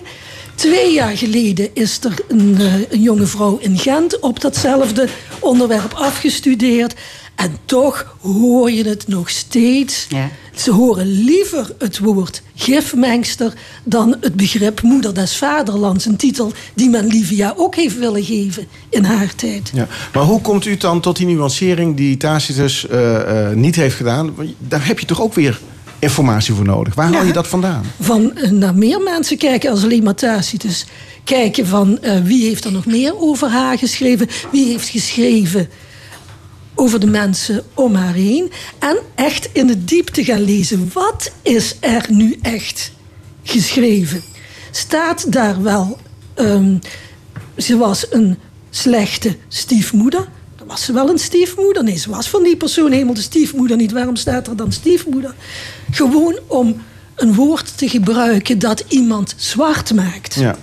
Mevrouw Jansen, eh, als ik dit zo hoor, dan denk ik... eh A, er is een hele weg nog te gaan om, om zeg maar, die hele oudheid eh, opnieuw eh, te gaan bekijken. Hoe zou je dat moeten aanpakken? Nou, ik wil eigenlijk iets zeggen over de Griekse vrouw. Ja. Eh, want die hebben namelijk geen grote vrouwen. En dat boeit mij ook. Want hoe kan dat? En ehm, dat vind ik dan leuk om daarnaar te kijken. Hoe moet, je dat, hoe moet je die vrouw überhaupt bekijken? En hoe kan het dat er geen enkele grote Griekse vrouw is? En nou blijft geen grote Griekse filosofen bijvoorbeeld. Nee, maar dat is onmogelijk als je kijkt naar hoe die meisjes worden opgeleid. Of hoe die meisjes op hun veertiende al trouwen. Hoe ze geen opleiding krijgen. Dus ze leren niet lezen en schrijven of een beetje. Ze sporten niet. En dan trouwen ze met een man die is 25. En die is als seksueel ervaren. Die is hun 11 jaar ouder. En hoe moet je dan ja, je eigen stem zoeken, zou maar zeggen? Kijk, wij worden helemaal opgeleid en dan trouwen we met iemand van onze leeftijd en misschien ook nog wel van ons niveau, zou ik maar zeggen. En dan, ja, daar kun je tegenop als vrouw, zou ik maar zeggen. Maar voor hun was dat een onmogelijkheid. Ja, maar dan en hebben- dat is iets wat mij. Ja, ik ben niet zozeer op zoek naar de, de grote vrouwen, maar meer. Jemineetje, eh hoe, hoe zaten die klem? Maar als, als in, in de Griekse oudheid de vrouwen een ondergeschikte rol hadden... dan is daar niet meer veel aan recht te trekken, toch? In die zij-hij-verhouding? Nee, je kunt, nee, je kunt zeker achteraf niet in de Griekse verhouding recht trekken. Maar wat mij boeit is proberen te begrijpen wat daar gebeurt. En eh, eh, als je denkt, ik moet daar iets recht trekken... dan kun je het al helemaal niet bestuderen. Want dan ben je heel boos van... Ja. eh, ja, ik wil dat het anders is. En dan kun je helemaal niet kijken wat was daar. En als, als archeoloog en historicus wil ik dat graag begrijpen. Ik, ik wil het helemaal niet veranderen. En om dat te begrijpen moet je zo, zo nuchter mogelijk kijken. Ja. Is dat niet inderdaad een gevaar, eh, mevrouw eh, Wesseling... Dat, dat, dat, dat je het benadert met een bepaalde missie? We zullen eens eventjes eh, de geschiedenis gaan herschrijven. Nee, ik ken geen enkele genderhistoricus die dat voor zijn rekening zou willen nemen. De geschiedenis is eventjes weer herschrijven. Ehm, door dingen als het ware op te kloppen die er, hè, waar voor geen enkel bewijsmateriaal is. Ik denk dat je dan heel snel een baan, je baan verliest. Ja. Eh, maar wat je wel kan doen, en dat zijn natuurlijk grote accentverschuivingen in de geschiedschrijving zelf, is dat je kan zeggen: is die focus op grote mannen hè, eigenlijk wel terecht? Is het feitelijk zo dat geschiedenis wordt gemaakt door enkele eh, uitzonderlijke individuen? De meeste mensen vinden vandaag de dag dat dat een verkeerde weergave van zaken is. En dat geschiedenis veel meer wordt bepaald door grote collectieve bewegingen. En eh, dat is voor eh, gendergeschiedenis natuurlijk ook interessant. Want dan zou je kunnen zeggen... laten we ons ook eens wat meer in het alledaagse leven verdiepen. En wat was, dan, dan komt er ook veel meer ruimte... om bijvoorbeeld eh, het huishouden te bestuderen... Ja. En, en de bijdrage van vrouwen en mannen daarin. En dan weer even naar mijn eigen vakgebied te gaan, de kunst- en literatuurgeschiedenis. Dan wordt het ook belangrijk om niet alleen naar die kunst- en, eh, eh, en literaire werken zelf te kijken, maar ook naar de hele infrastructuur daaromheen. Ehm, om die grote vernieuwing in de kunst te laten plaatsvinden, waren er nieuwe tijdschriften nodig. Nieuwe galerieën die die werken wilden exposeren. Daar hebben vrouwen een ongelooflijk belangrijke rol in gespeeld. James Joyce hadden wij niet gekend als er niet het tijdschrift The Little Review was, die uitgegeven werd door een lesbisch koppel, Margaret Anderson en Jane Heap. James Joyce kennen we allemaal, Jane Heap, Margaret Anderson, The Little Het zijn minder bekende namen, ja, nou, ja. Maar daarmee zegt u dus eigenlijk ook van... eh, er zijn gewoon een aantal personen onderbelicht. Eh, wil, wil je dat gaan rechttrekken, dan heb je toch een bepaalde missie? Dan doe je dat toch met een bepaald doel? Je, je hebt een bepaalde vraagstelling, zou ik zeggen. En dat heeft iedere rechtsgeaarde historicus. Wat het onderwerp nou ook is. Je, hebt, je opereert altijd vanuit een bepaalde vraagstelling. En zonder dat kan er geen speurtocht naar het verleden zijn. Nee. Dan wordt alles relevant of niets is relevant. En dan verdrink je in de archieven. Ja, het is ook met de, de- je heden bepaalt hoe je natuurlijk naar het verleden kijkt. Absoluut, ja. En wij hebben dus vaak ook gekeken naar grote veldheren, grote politici. Ja. Ja, Eh, dat moet je nog eens, nog eens Terwijl loslaten. eigenlijk op een andere manier ook naar dat verleden kunnen kijken. En dan ontdek je dus wellicht de vrouw. Ja, dat is wat ik, eh, wat ik op, dit moment doe. Eh, mijn passie is gewoon om te kijken naar de alledaagse vrouw in de Romeinse samenleving. En gewoon te na, na te gaan van hoe was het om meisje, moeder, grootmoeder, werkende vrouw te zijn in die tijd. Daar verzamel ik informatie over. En met die informatie ga ik gewoon de boer op. En ga ik vrouwen uit deze tijd ga ik vertellen van hoe hun zusters 2000 jaar geleden leefden. Wat de overeenkomsten waren, wat de verschillen waren. Hoe zij zich. Ja, We proberen allemaal ons bestaan zo zinvol mogelijk te maken. Hoe deden zij dat? Hoe doen wij dat? Wat zijn de overeenkomsten? Ja. Mevrouw Jansen, een tijd geleden heeft u nog eh, uitgebreid onderzoek gedaan... en ook, ook geëxposeerd met sanitair in de oudheid. Oké. Wat zegt dat over de rol van vrouwen? Niets. Oh, daar ben ik het niet mee eens. Nou, het Romeinse sanitair, hè, ik weet niks over het moderne sanitair, maar in de oudheid, dit is een fysieke behoefte. En Mhm. voor de mannen en de vrouwen waren er toiletten en die zagen er niet anders uit. Dus ehm, voor zover we kunnen bepalen wat een mannen- en een vrouwentoilet was. Maar in huis was één toilet en er werd door iedereen gebruikt. Dus, eh, Maar de openbare ruimte waren, het, waren ze gelijk, dus het waren genderneutrale toiletten in die oude tijd. En dat is Zo een zou je het kunnen vraag. noemen. Dat zou je Dat kunnen is nou een interessante Maar vraag. zou ik zeggen, als de mensen in de oudheid naar het toilet gaan... die hebben een tunica aan, zou ik zeggen, of een, een jurk... en die gaan zitten en zou ik zeggen, je ziet niks. Dus het maakt ook niet uit. Snap je, wij hebben een broek aan. Dat is een heel ander verhaal als je op het toilet zit. Ja. Dus dat heeft meer met kleding te maken dan met eh, seksen, denk ik. Lies Wesseling. Ja, ik vind voor de, in ieder geval voor de moderne geschiedenis toiletten een heel interessant onderwerp vanuit feministisch perspectief. Het is ontnuchterend als je bestudeert ehm, hoe vrouwen toegang kregen tot universiteiten. Neem nou bijvoorbeeld Oxford en Cambridge. Als je dan de bronnen bestudeert, en, eh, dan valt het je op dat de meeste woorden werden gewijd aan het probleem van de toiletten. Je kan geen vrouwelijke studenten toelaten, want waar moeten die dan hun behoeftes doen? Dat kan toch niet op de toiletten voor mannen? Dus eh, het is heel merkwaardig maar, en ontnuchterend, maar de discussie spitst zich eigenlijk toe op de toiletten. Dat vind ik interessant. Ik vind ook vandaag de dag, ik vind het altijd heel raar dat toiletgroepen volledig symmetrisch zijn.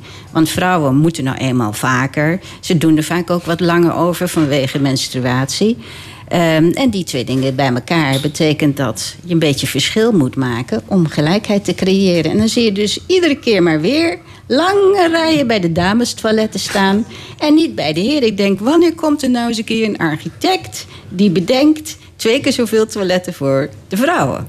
Ook dat is emancipatie. Daarmee vergemakkelijk je de toegang van vrouwen tot de openbare ruimte. Dus ik vind het een heel interessant onderwerp, Gemma. En ik vraag me ook af eh, waar de plekken waar ehm, collectief eh, werd geplast en gepoept. En hadden vrouwen daar gelijkelijk toegang toe als mannen. Nou, hier ligt de basis voor een nieuw onderzoek, zou ik willen zeggen.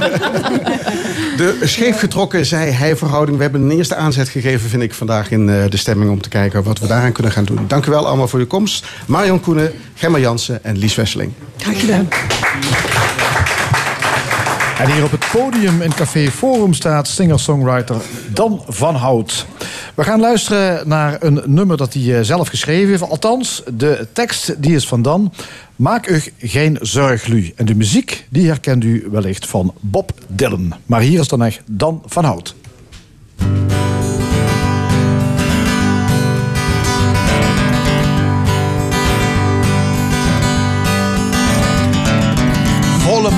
Midden op de dag. 14 jaar en een stuk in de kraag. En een piercing door de bovenkaak. Altijd maar dat rotgeklaag. Leraar die zijn plicht verzagen. Hem lekker goed te kunnen slopen.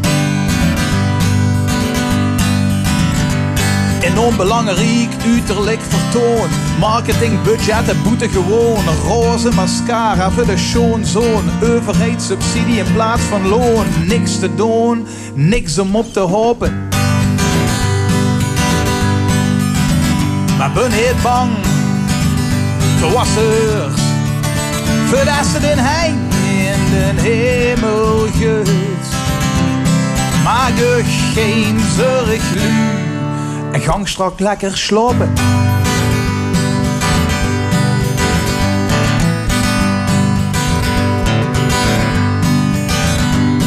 Investeren in techniek, dat heeft zich geloond. Mijn tweelingbroer, drie keer gekloond. Prachtige steden, goed gewoond.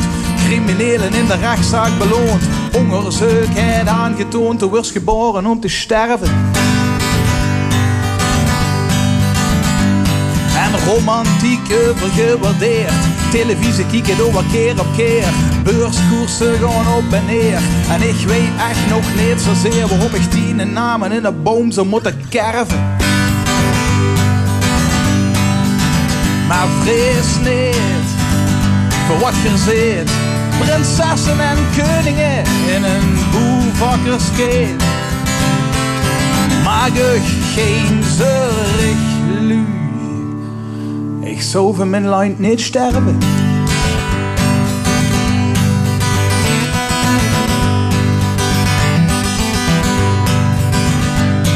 Spiegelbeeld is het ideaal. En de zakenman plukken een zwerverkaal. Prutser, reboot, geniaal.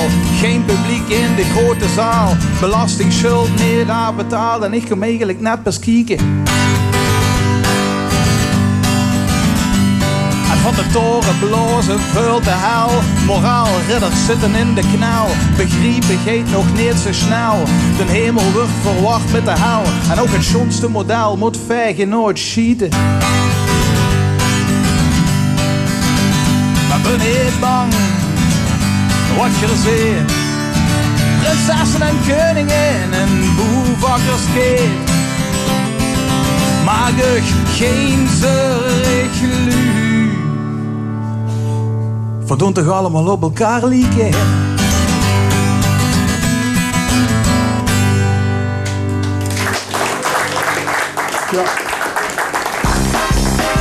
De column.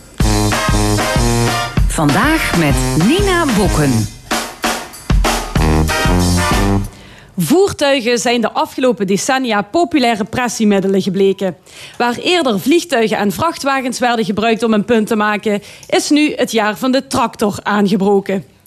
Gelukkig bleken boeren afgelopen week de meest aardige en milieuvriendelijke mensen. Ze reden slechts 80 km per uur op de snelweg en in Limburg toonden ze zich na een kop koffie en een plak cake weer voor reden vatbaar. Ze maakten politici zoals Ger Koopmans tot troetelbeertjes die het vernielen van een Gronings overheidsgebouw plots met humor konden benaderen.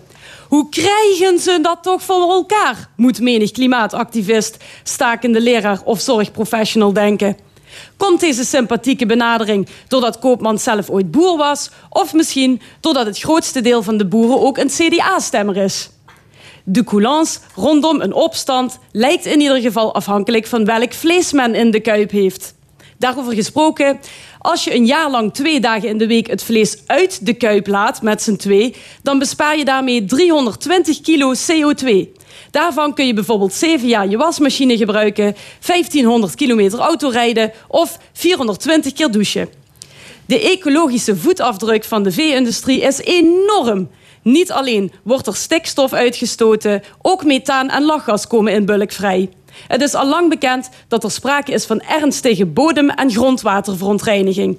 Bijen, insecten en vogelsterfte, antibiotica-resistentie, misstanden in de slachthuizen en gezondheidsrisico's voor mensen. Afgelopen jaar was er een record aantal stalbranden en een toename in het aantal bedreigingen naar inspecteurs van de Nederlandse Voedsel- en Warenautoriteit.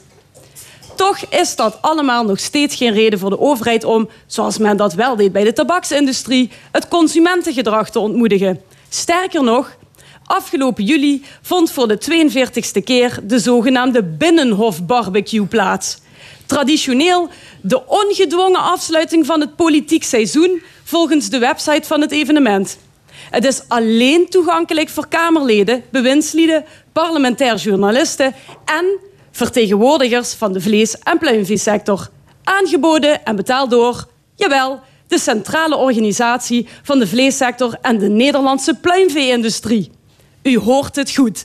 Den Haag laat zich in de watten leggen door precies de industrieën die zo afhankelijk zijn van diezelfde overheid. De landbouwsector kent vele belastingvoordelen en is de zwaarst gesubsidieerde. Tweederde van de Europese inkomenssteun voor Nederlandse boeren gaat naar agrariërs met een bovenmodaal inkomen. 60% van de boeren heeft dankzij deze subsidies een hoger inkomen dan de doorsnee werkende Nederlander. Bij meer hectare grond loopt de subsidie op. Kleinere boeren hebben dus het nakijken. De boer die de deur van het provinciehuis ramde, kreeg vorig jaar meer dan 120.000 euro subsidie. Nederlandse bedrijven als de Rabobank en ING investeren ook nog eens extra in beruchte megaboerderijen. Als elke Nederlander één dag per jaar geen vlees eet, scheelt dat meer dan een half miljoen dieren, plus alle productie daaromheen. Toch wordt schaalvergroting en daarmee vervuiling nog steeds volop gestimuleerd. Ondanks dat Nederland wereldkoploper is qua landbouwinnovatie, lukt het blijkbaar niet om die techniek in te zetten ten bate van het milieu in plaats van onze goedkope vlees- en zuivelzucht. Gewoonte gaat dus boven noodzaak. Zolang aan die cultuur niemand wat wil veranderen, hebben we allemaal boter op ons hoofd en wordt er op eieren gelopen. Dus voor alle klimaatactivisten, leraren en zorgpersoneel dat nog wil gaan staken, een tip. Kom met je tractor daar, dan staat er cake en koffie klaar.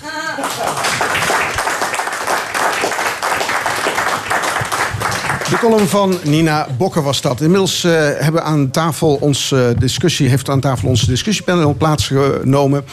Oud-senator Jan de Wit, oud-senator Karel Leunissen... en oud-Tweede Kamerlid Roland van Vliet. Welkom allemaal. Ja, ehm, Super Saturday werd eh, ronkend aangekondigd. Eh, ik weet niet of jullie ook allemaal voor de tv hebben gezeten... eh, in afwachting van wat er allemaal ging gebeuren gisteren in Londen, in het parlement. Eh, ja, hebben jullie het echt gevolgd? Als iets geen nieuws meer is, is het geen nieuws meer. Ja. ik ben natuurlijk wel eh, heel benieuwd naar eh, hoe, het, hoe het daar eh, zou gaan uitpakken. Dus eh, vanzelfsprekend eh, volg je dat. eh, tenminste wat mijzelf betreft. Ja. Ik heb het ook gevolgd, maar ehm, ik was al, eh, had een goede indruk van wat eruit zou komen. Eh, omdat, eh, ja, dat, dat hele Brexit, die hele Brexit-deal die nu door Johnson met de EU is gesloten, die, is- die verschilt nauwelijks van eh, de, de deal van Theresa May. En hij heeft zo huis gehouden in dat House of Commons, Johnson. En ehm, dat heeft geen enkele oppositielid in zijn richting geduwd. En zelfs heeft hij 17 eigen parlementariërs uit het House of Commons gezet. In ieder geval uit, uit de, zijn partij.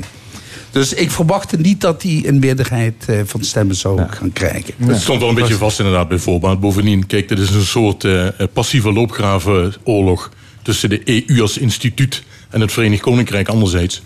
En kijk, of je nou premier Johnson heet of May of Corbyn... die zouden allemaal tegen hetzelfde probleem aanlopen. Er is daar gewoon een referendum gehouden... en een duidelijke meerderheid was voor brexit. Ja, voer dat dan uit. En ik denk zelf dat de gemiddelde Brit gisteren ook niet voor de televisie heeft gezeten. Dus waarom zou ik dat hier in Nederland wel doen? Die stond op straat voor eh ja, blijven binnen de EU. Nou, dat waren dan drie op de duizend misschien. maar wat ik, me dan, maar wat ik me wel afvraag is... ehm, eh, ik merk dat in discussies ook met collega's op het werk... dat iedereen zo'n beetje Brexit-moe begint te worden. Laat staan die Engelsen zelf. Wanneer gaat, gaat, gaat politiek en volk uit elkaar drijven... omdat ze elkaar niet meer snappen? Ja, maar dat, is, al- dat is al lang gebeurd daar. Eh, om ons even tot Engeland eh, te beperken, dat is al lang gebeurd. Eh, een heleboel mensen willen niet uit de EU. En een groot deel, de, de krappe meerderheid toen bij het referendum eh, wel. Maar eh, wat je ook in Engeland ziet, is dat de mensen het kots, eh, kotsbeu zijn. Dat er, dat, er, dat er eigenlijk 90% van het nieuws van de dag van radio, televisie wordt in beslag genomen door de discussie over Brexit. En het trieste vind ik zelf dat die blonde man, ik bedoel dus Johnson, dat. Ja, dat hij gewoon eigenlijk, terwijl hij de mond vol heeft over democratie, even het parlement naar huis stuurt, omdat het hem niet uitkomt. En nu, terwijl er een amendement is aangenomen, eh, en zelfs meerdere amendementen die zeggen dat eerst alles bekeken moet worden en alle wetten bekeken moeten worden die met die eh, brexit samenhangen, heeft hij gewoon scheid aan.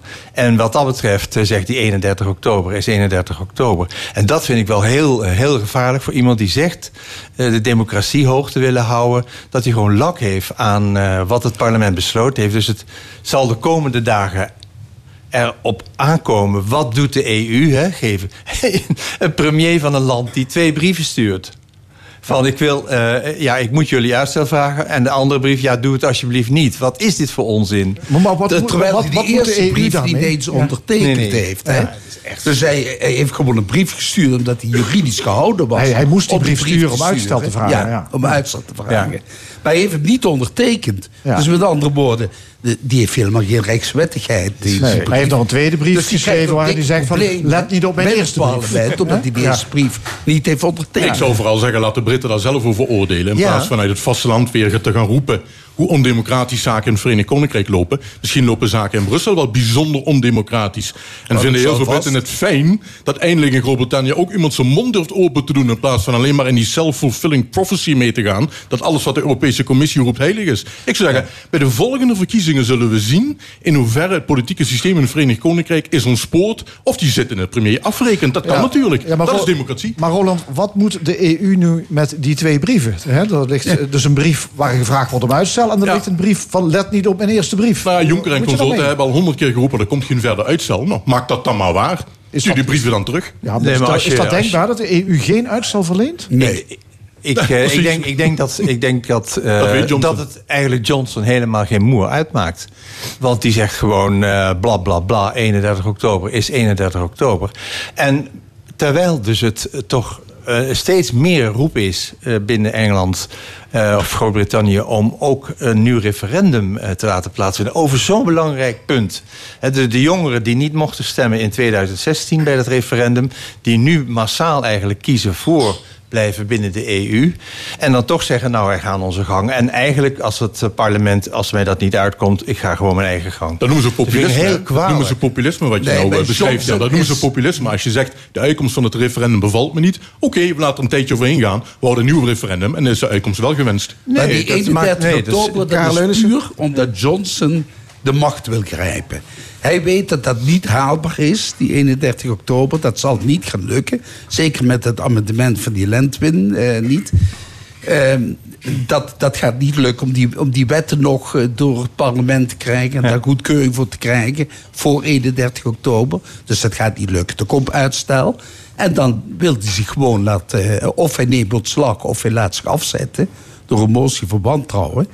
En dan wil hij verkiezingen houden. En dan hoopt hij natuurlijk dat de conservatieven... met een absolute meerderheid aan de macht komen. En dat is een hele insteek. Die Nou, Brexit, is- volgens mij interesseert hem nog niet eens zo geweldig veel.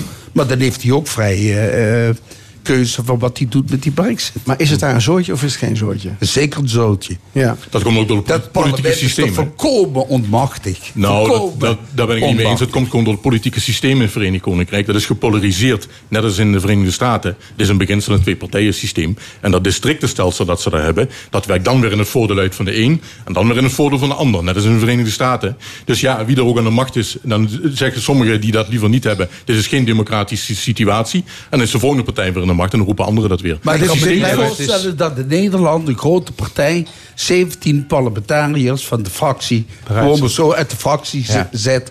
omdat ze kritiek hebben op de, eh, de, de, de, de, de, de gedachten die heerst binnen die fractie... over een bepaald onderwerp. Ja, de daarna komen weer in, verkiezingen. eh, en er zijn onafhankelijke rechters. Die hebben dat parlement ook Jan de is- Wit, SP? de- is, is, eh, de situatie in Groot-Brittannië is gewoon ernstig. Het gaat eh, niet goed met de economie. Maar hoe hij dit risico, of hoe de Britten eigenlijk een risico durven nemen met het uitstappen uit eh, de EU op dit moment. Wat hun miljarden gaat kosten als je kijkt hoe groot de armoede er op dit moment al in eh, Groot-Brittannië heerst. Eh, toevallig. mijn dochter heeft daar tot voor kort gewoond. En het is eigenlijk heel triest om te zien. mensen die drie, vier banen moeten hebben, desondanks in armoede leven. En gewoon de armoede is ook zichtbaar aanwezig. Dus het is echt een. Enorm gok op de toekomst dat je, dat je dit gaat doen als je ziet wat er voor ellende eh, op eh, hen af gaat komen. Punt, zullen we maar even zeggen, voorlopig althans. Ehm, we gaan het hebben over het eh, boerenprotest van de afgelopen weken. Eh, het boerenprotest tegen de maatregelen rond de stikstofuitstoot.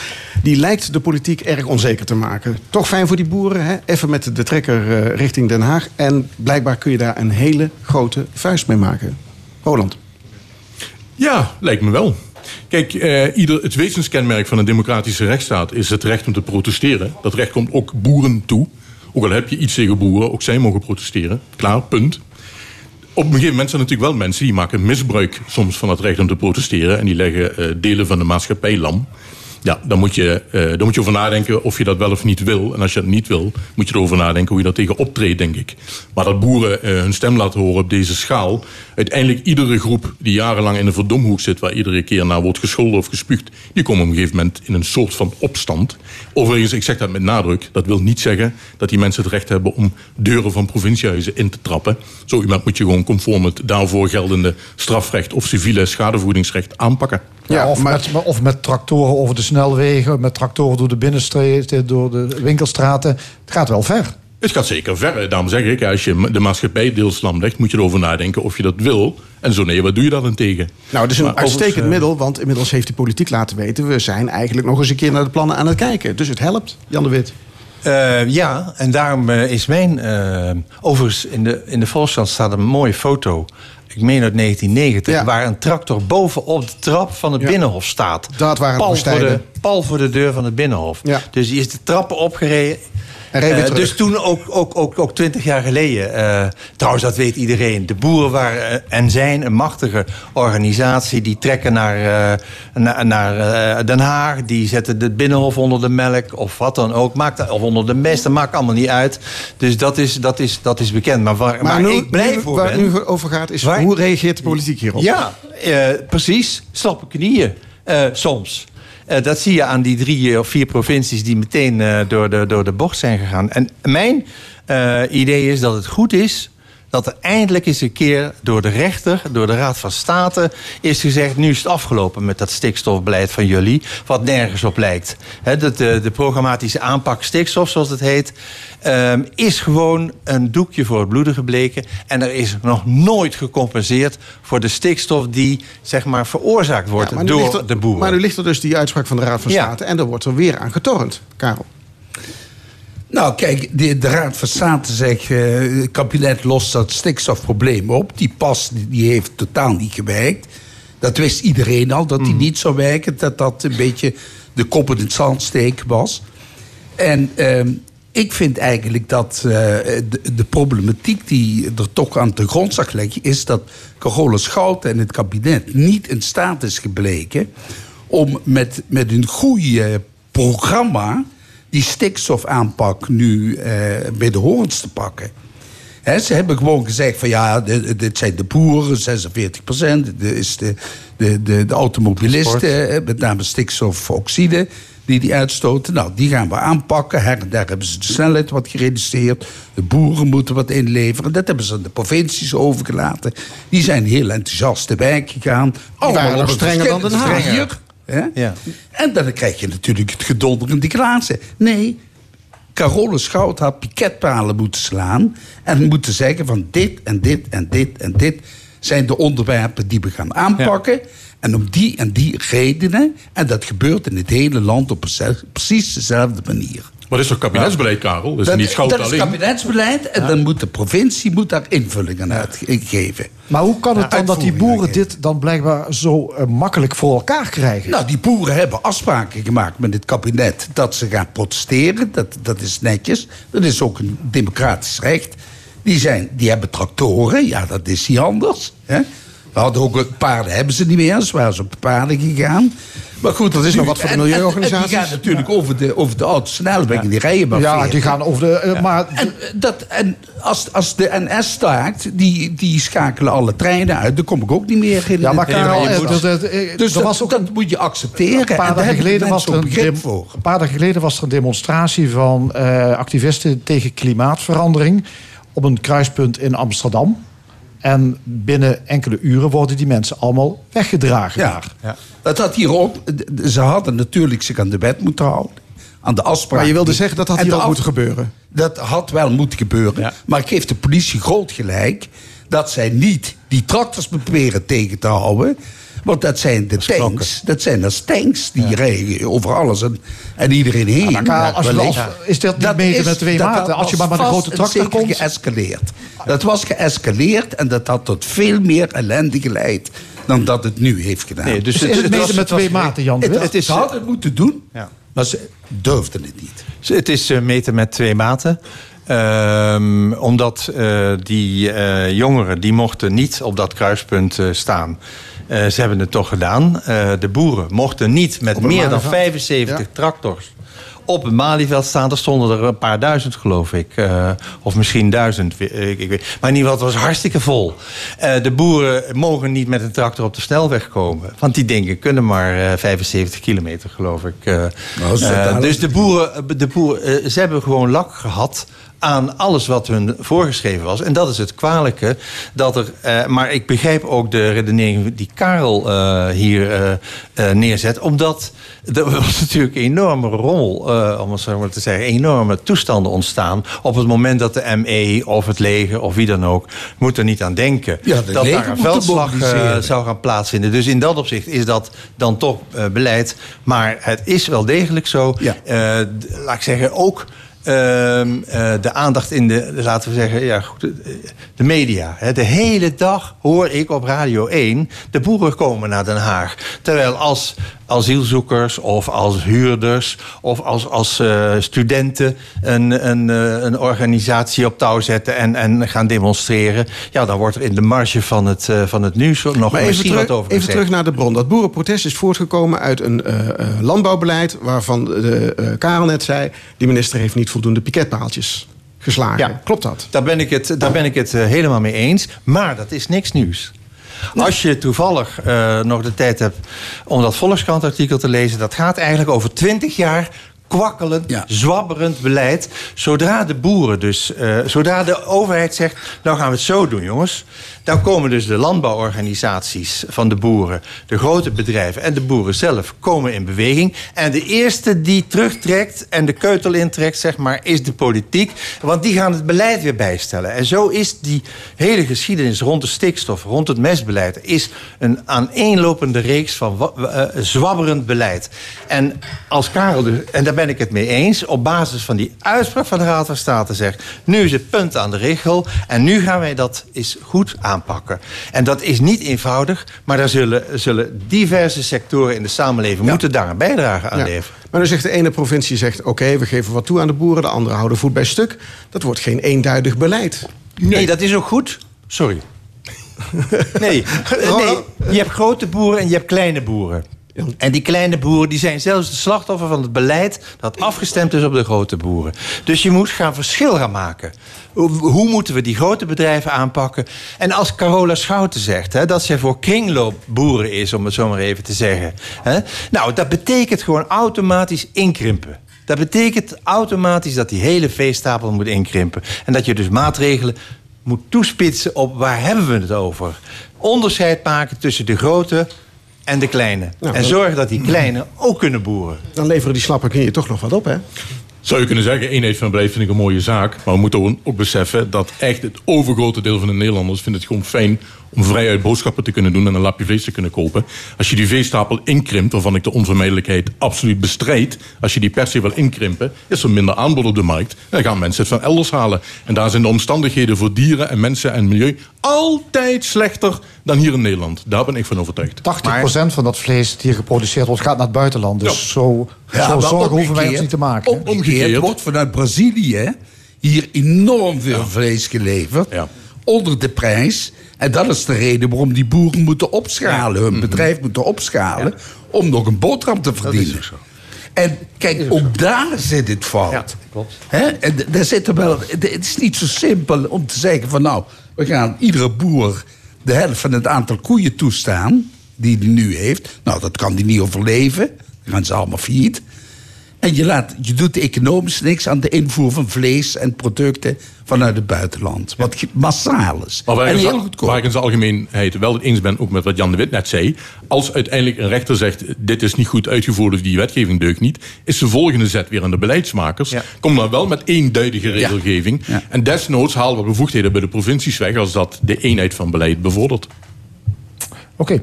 Ik eh, wil eh, graag naar een ander onderwerp. Eh, Topsport Limburg. Dat is een organisatie die opgezet is om jongeren te helpen om ja, topsport op te kunnen bedrijven. Nou, de, er is al jaren een financiële janboel daar. De schuldeisers die staan voor de deur. Pensioenpremies zijn niet afgedragen. En de provincie zegt nu van ja, wij gaan er ook niet meer aan meebetalen. Snappen jullie hoe het kan dat een gesubsidieerde instelling zo in de problemen kan komen? Hoe is dit mogelijk? Nee, daar snap ik helemaal niks van.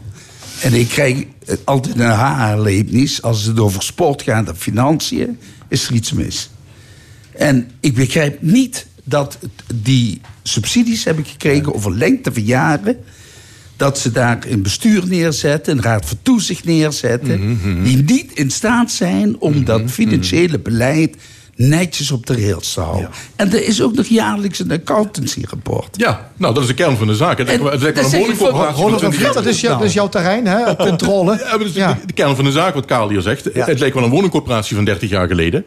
Als die, die, die first line of defense is je raad van toezicht. Hè, als die al zitten te slapen en die wijn drinken en dommelkonten. Ja, die schrijven dat allemaal af op een directeur die toevallig even geloosd moest worden.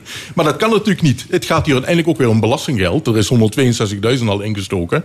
Logisch dat je als inwoner van Limburg afvraagt. Wat doen ze in die provincie? Gaat er dadelijk wel of niet weer belastingcenten naartoe? Maar Karel heeft gelijk. De bron is, hoe kan dat nou weer jaren voortboekeren? Zodra je een exploitatietekort hebt, al is het maar 15.000 euro. Dan ga je al kijken, hoe los ik dat op? Dat moet je niet laten opgroeien tot 7 of 8 ton. Ja. Nee, en de- dat, dat er dus toch accountants zijn, eh, kennelijk, die de Ja. jaarstukken goedgekeurd hebben. Ja. Terwijl nu blijkt, hè, dus dat, dat las ik ook in een van de brieven van de provincie, dat, dat de cijfers die nu gepresenteerd worden essentieel afwijken van wat ze allemaal voorgeschoteld Alsjeblieft. hebben. Hoe kan dit? Dat, Ja. dat er dus een tekort ontstaat en dat niet eh, ingegrepen wordt. Maar dat laat onverlet natuurlijk het andere eh, punt. Wat moet er met die topsporters eh, dan gebeuren? Ja. Mo- w- w- moeten we dat laten vallen of niet? En, Ja, want Topsport Limburg zal omvallen natuurlijk. Als ja, die gaan zegt, failliet. gaan eh, geen- dat is de verwachting Ja, natuurlijk, ja. dat die failliet gaan. Maar is het dan daarmee afgedaan dat we geen aandacht meer hebben voor talentvolle Ik, sporters? denk- ik denk wel, Jan, dat die aandacht gebleven. Alleen je moet er een soort netwerk- en ambassadeursfunctie van maken. Van dat topsportgebeuren.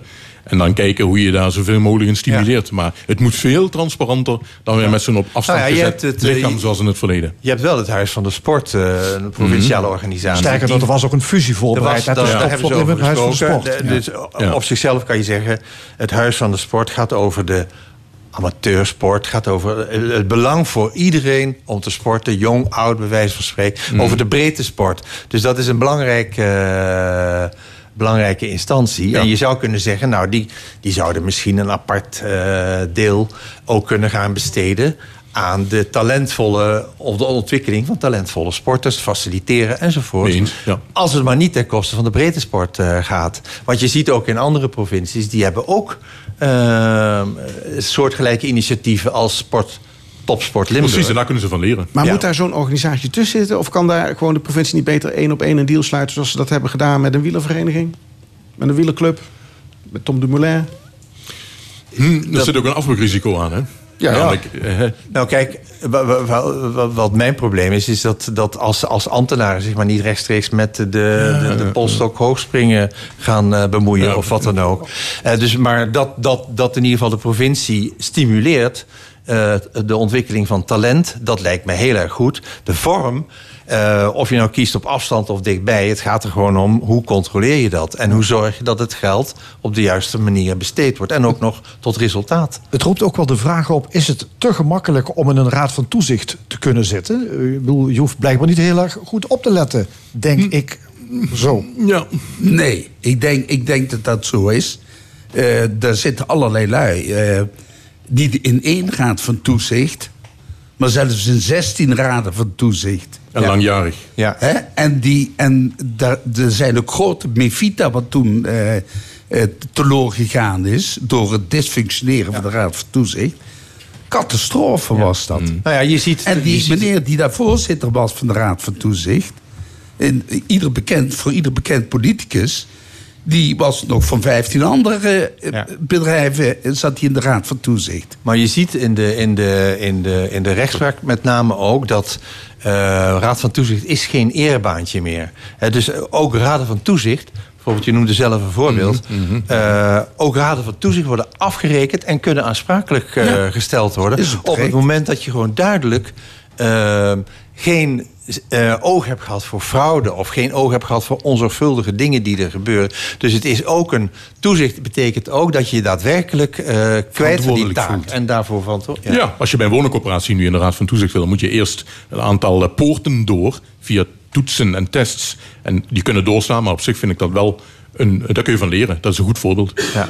Goed, nog even snel, laatste onderwerpje.